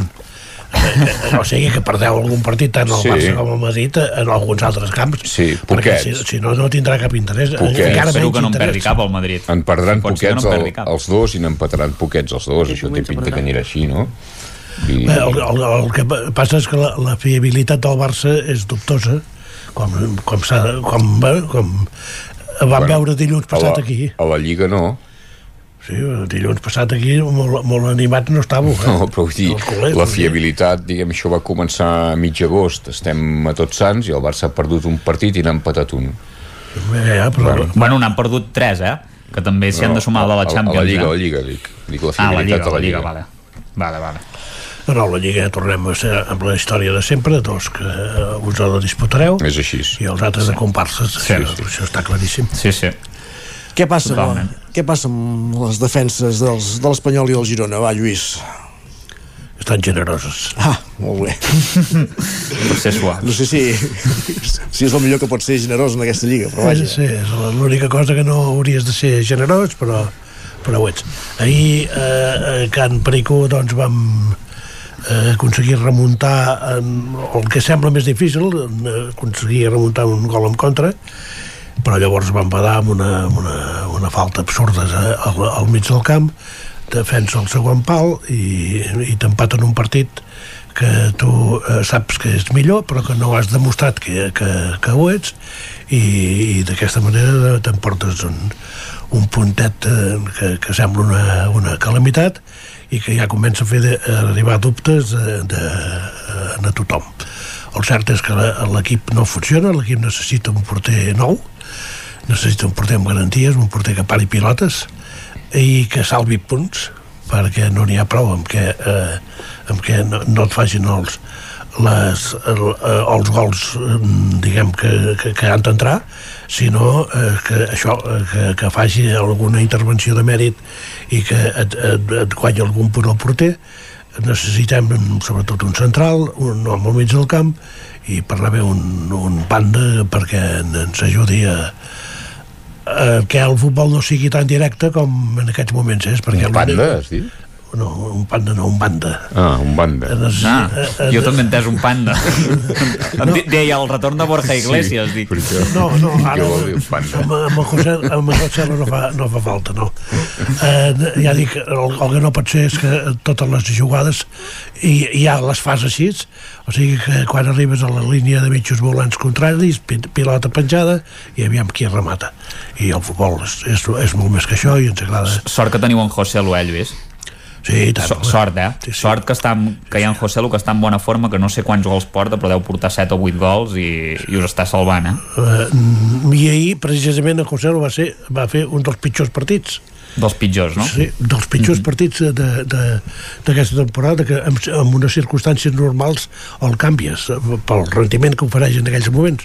Però, esclar, mm -hmm. no, hi ha, no hi ha alternativa.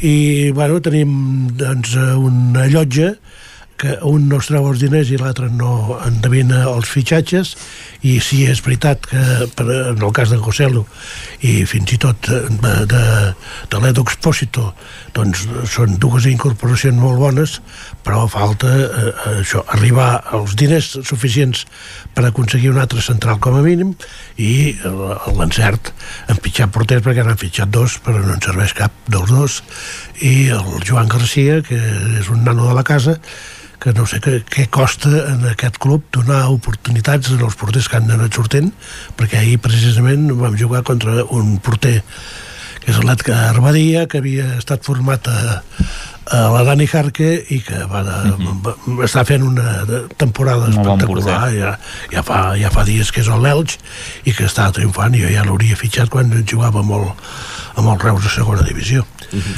però noi eh, no em fan cas no et fan cas Pol, eh, ens comentaves abans que segueixes el Girona, el Girona que no està tenint un bon inici de temporada també en aquest retorn a, la primera, també moltes vegades amb, defensa, amb la defensa que, que fa aigües, diguéssim. No sé si és el mateix mal de l'Espanyol, però, però no està sent l'inici desitjat, eh? Sí, no, veníem del, de l'Almeria, on també en 30 minuts 3 gols a 0, ja el donava per perdut, però jo crec que el, el 3 a 2, amb un possible gol al 96, que no sé on veuen la falta, però no ho sé, eh, on l'equip necessitava canvis, necessitava canvis ja, on el Juan Carlos a la porteria estava molt espès, no, no, no funcionava, i aquest diumenge doncs, amb sis canvis eh, del titular inicial on la poda on Mitchell no canviava el porter no, si els altres dos, eh, Gazzaniga o Toni no tenen el nivell o confiava plenament en Juan Carlos i aquest diumenge per fi el va canviar i van provar sis canvis nous que almenys un punt no és el canvi que esperàvem però aquest diumenge crec que sortirà el canvi final contra el Madrid Contra el Madrid, Isaac. No crec. que hi ha algú del No Madrid crec. per aquí Home. M'estranyaria, la veritat, que veient com està el Girona ara mateix... sí, la eh, defensa, jo crec que sí, confien de molt en Mitchell. són, no són de primera Jo crec que confien molt en Mitchell, el Girona, i sí, és un entrenador que està molt bé, que faci les rodes de premsa en català, que s'hagi integrat molt bé, que l'any passat doncs, fes una bona temporada, però potser, vaja, si l'equip continua així, l'equip necessita un revulsiu i, i un canvi d'entrenador perquè no està funcionant de cap manera. A darrere té molts problemes per, per marcar, a davant bé, ha, ja ha fet gols vull dir, no és un equip pas que, que sigui d'aquells que, que sigui els menys golejadors de la categoria però és això, eh? a, a les àrees a la porteria, sobretot la porteria algunes jugades són imperdonables uh, No, sí. errades, errades defensives grosses i, i amb el Madrid a més a més que et penalitza que, que té davanters bé, és que, clar, és que només parlar de la davantera del Madrid, que tens Vinícius, que tens Rodrigo en plena forma, que tens Valverde, que et Pensa pot xutar de que fora Qualsevol error de, de, que no és de primera, no és error de primera, no pots fer errors així, ja regales un gol, o sigui, és impossible. Que No, les 10, jur- les 10, els, els 11 partits que portem, al mínim un gol encaixat, o sigui, no tenim la porteria a zero, que no, no pot ser a primera, això.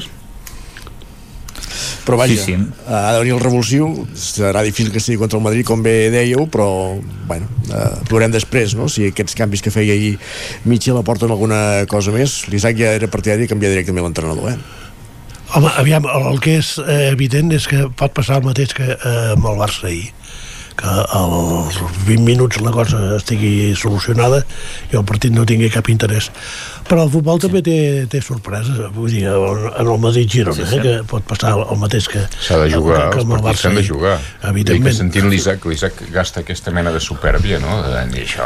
Ostres! Aquest dol, allò, Mira qui va, parla. bé. Només, només, només, he pensat, només fa- faltava saber de, de, de, qu- només faltava dir de quants gols guanyarien, perquè la victòria ja la donava per descomptada. No? La donaves per descomptada, no? jo, jo que no sóc ni d'un ni de l'altre eh, dic que la supèrbia la teniu exactament la No ets mateixa ni del Madrid ni del Girona. no, no, ni del Madrid ni del Barça Ah, però ara parlàvem del Girona, no? Sí, però, Sí, però tu ets del Barça, Tu, tu parles de supèrbia. Jo entro al Madrid. Jo, jo dic la supèrbia. Jo entro al Madrid. És la mateixa que el, el Madrid i la del Barça. Entre el Madrid i el Girona, jo em decanto pel Girona, clarament. Sí, jo també, esclar, naturalment. Perquè ja t'he dit que Jo- no, no jo- ni, ni del Madrid ni del Barça. L'Isaac és demarcació, amb Girona em- és, és em- demarcació em- de em cau molt Girona, però circumscripció Sí. de Madrid, segurament és el meu segon equip el Girona d'equips de primera divisió però sempre voldré que guanyi el Madrid evidentment L'única possibilitat que estaria bé que guanyés el Girona seria si el Madrid ja ha guanyat la competició i el Girona s'hi està jugant alguna cosa important, com no baixar o entrar a Europa, o entrar a Europa aquest any evidentment no, l'objectiu és salvar-se perquè l'equip no, no està per gaire més però si no, sempre vull que guanyi el Madrid, sempre. Oh, jo el Madrid sempre. Com perdre. vosaltres voleu que guanyi el Barça, l'Espanyol o el Girona, entenc, clar. El Madrid ja va perdre el camp del Girona, no? Sí, sí, sí. El Madrid va perdre... Sí. 1 a 2. 2 a 1. 2 a 1, Per sí, l'any clar. 2017, El primer any a primera. 18, l'any 2018, no? Sí, 2017. Però això és el passat. El futur és del Madrid. I el Bernabéu també 1 a 2. Ai, és tens igual. raó, tens raó, ho veus? Com poden passar coses. Ja, ja s'han après dels errors del passat. I Oh, bueno. No, a mi el, que diuen de, de l'home i el ruc. a mi el que preocuparia, sí, no. tant, tant com a Perico com a, com a gironí, anar al camp del Madrid amb les defenses que tenim, tant alguns uns com els altres perquè és veritat sí. això que diu l'Isaac vull dir, clar, eh, eh, ells eh, ofensivament és un, és un equip extraordinari i llavors si tens la defensa eh, que, que et trontolla eh, amb, aquests homes doncs esclar Clar. eh, de, de qualsevol tu, tu et pot complicar la vida i fins i tot amb Modric des de, des de fora l'àrea t'envia un cacau que, que, Sí, que home. passen aquestes coses Modric, Modric, per cert, que no viatja a Leipzig d'última hora, baixa d'última hora, no sé exactament per què, si li dona descans, que tampoc va a Valverde, em sembla, i, i suposo, Benzema tampoc, i suposo que Benzema recu el recuperarem per al, per al cap de setmana perquè ha tingut aquesta fatiga muscular, no m'estranya la pilota l'ha pesar molt i entenc que això li ha, li ha afectat una mica els, els músculs però, però bé, aquesta temporada sí que és veritat braços, que no? Sí, però això afecta perquè arriba, arriba per als tendons i baixa fins a les cames. No, però em, em que no hagués xutat la pilota d'or i s'ho hagués fet mal també, també podria ser. No, però és veritat que està sent més irregular aquesta temporada de Benzema pel que fa a lesions, eh? perquè quan juga sí que fa gols, eh? Vull dir que, bueno, esperem recuperar al seu millor nivell. Hi ha alguna opció que el Victoria Pilsen faci alguna cosa davant de l'Inter de Milà? Algun encara té esperances, no? Sí, perdre. Po poquetes esperances. Que, que això és la- l'avantatge d'aquestes coses que ja que quan passa, és, perdut. això és un dol, no? I, i quan, quan arriba el moment, que, és, que lògic que sí, aquesta setmana ja està descomptat, Sí. no? Perquè al final hi quedaràs eliminat segurament aquesta setmana, però com que això ja, ja ve de 15 dies i que, que ja està que és un tema que, que ja està descomptat i que, bueno, que, I si perder, eh, per l'Inter i perdeu vosaltres bueno, és una opció. Això seria... Un, En Xavi, és- en Xavi hauria de sortir i cremar el vestidor, si passa això. És una- Per dir-los com heu sigut capaços de no guanyar el partit quan us ho han posat són hipòtesis, plata. són hipòtesis molt més Sí. sí. que, que no, no perdem el principi de realitat a l'hora de fer anàlisis i de moment anar pas a pas i a més a més es dona aquesta circumstància no, de la diferència horària de, del partit vull dir que en el moment de començar ja, Sí. sí. ja se sabrà i això té pinta que bueno, de, la, la supèrbia passa a, a, a falsa modèstia no, de coses em, pa, em passen en el futbol, passen, em passen. El que passa que al, al final les coses eh, són bastant lògiques, no? Al final. Tot i que sí. en, en un esport que juga amb els peus sempre hi ha més opcions, no? Vull dir, si això en comptes de ser futbol fos bàsquet, hi ha, mm. amb la, amb les, el que juga amb les mans, home. sempre hi ha més marge, menys marge de sorpresa. Fixa't en això. home, però- No, no, no, Sí, no, no, veritat. no, això és així. No, no, amb el el que juga amb les mans, sí, sí. perquè és lògic, amb els peus eh, és, és Hi ha més, menys control. És més, exacte, és més Oh, però difícil els això. partits de bàsquet hi ha fases fosques per un equip o per l'altre, no? Amb el bàsquet Sí, encara, però, però encara normalment és veritat menys. que sí, Sí. que, que, que hi ha menys Encara hi sorpreses. ha menys sí sorpreses que- en el bàsquet. Sí que Aquí, és aquest equip eh, superric que teniu del, del handball, per exemple, que esclar, ho guanya tot menys les finals. Bueno, Com ahir va perdre no sé qui també, el Magdeburg. eh? uh, sí, a no sé quina mena de competició, perquè te- també s'inventen moltes coses aquesta gent. I ara hi ha una competició que es veu que és molt important, feia quatre dies que no existia, però és molt important, i va perdre la final, tu. Sí, sí. Són d'aquelles coses. Però que, no, aquestes juguen amb les que mans. digui? És que juguen amb les mans. Però Per, els- per però els perdre la final s'hi ha d'arribar. Però els altres Sí, també. això també és veritat, això també és Però veritat. Jo vull dir que aquí, amb aquesta final, eh, clar que pots guanyar, pots perdre, però em refereixo que amb aquesta final que dius que jugaven amb les mans, no hi havia un favorit clar. Jo dic que, Ah. no? Vull dir, si juga, eh, hipòtesis, eh? El, el, a bàsquet, el Barça amb el Manresa, eh, guanyarà el Barça. Sí. a bàsquet. La A, a, a, a, a futbol, lo lògic és que també, però jo crec que hi ha més marge d'error el fet de jugar amb els peus, no? Vull dir que amb el futbol, l'Inter amb el Victoria Pilsen, si em dius qui guanyarà, jo crec que l'Inter. Però si, si això fos bàsquet ja no en tindria Eh. cap dubte. I Que- com que, és que guanya futbol el Victoria i juguen, amb, Pilsen, i juguen amb els peus, bueno, queda allò... Que guanya el Victoria Pilsen els dos partits Queda- i que el queda- Barça perdi amb el Bayern. Queda aquell Ni a l'Europa 5%, League. no? Queda aquell, aquell 5%. Llavors hi ha el bar, això, del, això del bar... Això ja sense ficció, Isaac. Això, això, això del Hosti, bar... això seria molt bo. Això del bar mai saps per on surt, no? I l'altre dia mateix al Madrid, en el camp del, de l'Elx, el bar Tres gols anul·lats. li van anul·lar tres gols. Però hi ha, hi ha un detall, eh, si t'hi fixes, que és que el Madrid no anava de blanc. Vull dir que... Saps què vull dir? Que a vegades hi ha, hi ha aquella idea de, no, de dir, tu, uh, o sigui, al cap de afavorint els blancs, i però anaven canviats. Llavors li anaven anul·lant gols en el Madrid. No? al camp de l'Elx eh, És curiós. no, no, no, li, no li prendran mai punts perquè sempre van d'un altre color Sí. Uh, li, li anul·laven gols a qui no, a Ja, ja. tocava. Al bar anul·laven gols en el que no tocava. Però es van confondre els del bar. Agustí Danés, Lluís de Planell, Belgrau, Isaac Muntades, moltíssimes gràcies, un dilluns més, bon dia. Bon dia. Bon dia. Adéu. Acabem la tertúlia esportiva i acabem el Territori 17 d'avui, dilluns, 24 d'octubre de 2022. Us hem acompanyat des de les 9 del matí, Pepa Costa, Laura Serrat, Caral Campàs, Esther Rovira, Pol Grau, Isaac Muntades, Lluís de Planell, Agustí Danés, Sergi Vives, Clàudia Dinarès i Isaac Moreno. I tornem demà a partir de les 9 fins a les hores. Bon dilluns i gràcies per ser-hi. Territori 17, un magazín del nou FM. La veu de Sant Joan, Ona Codinenca i Ràdio Cardedeu amb el suport de la xarxa.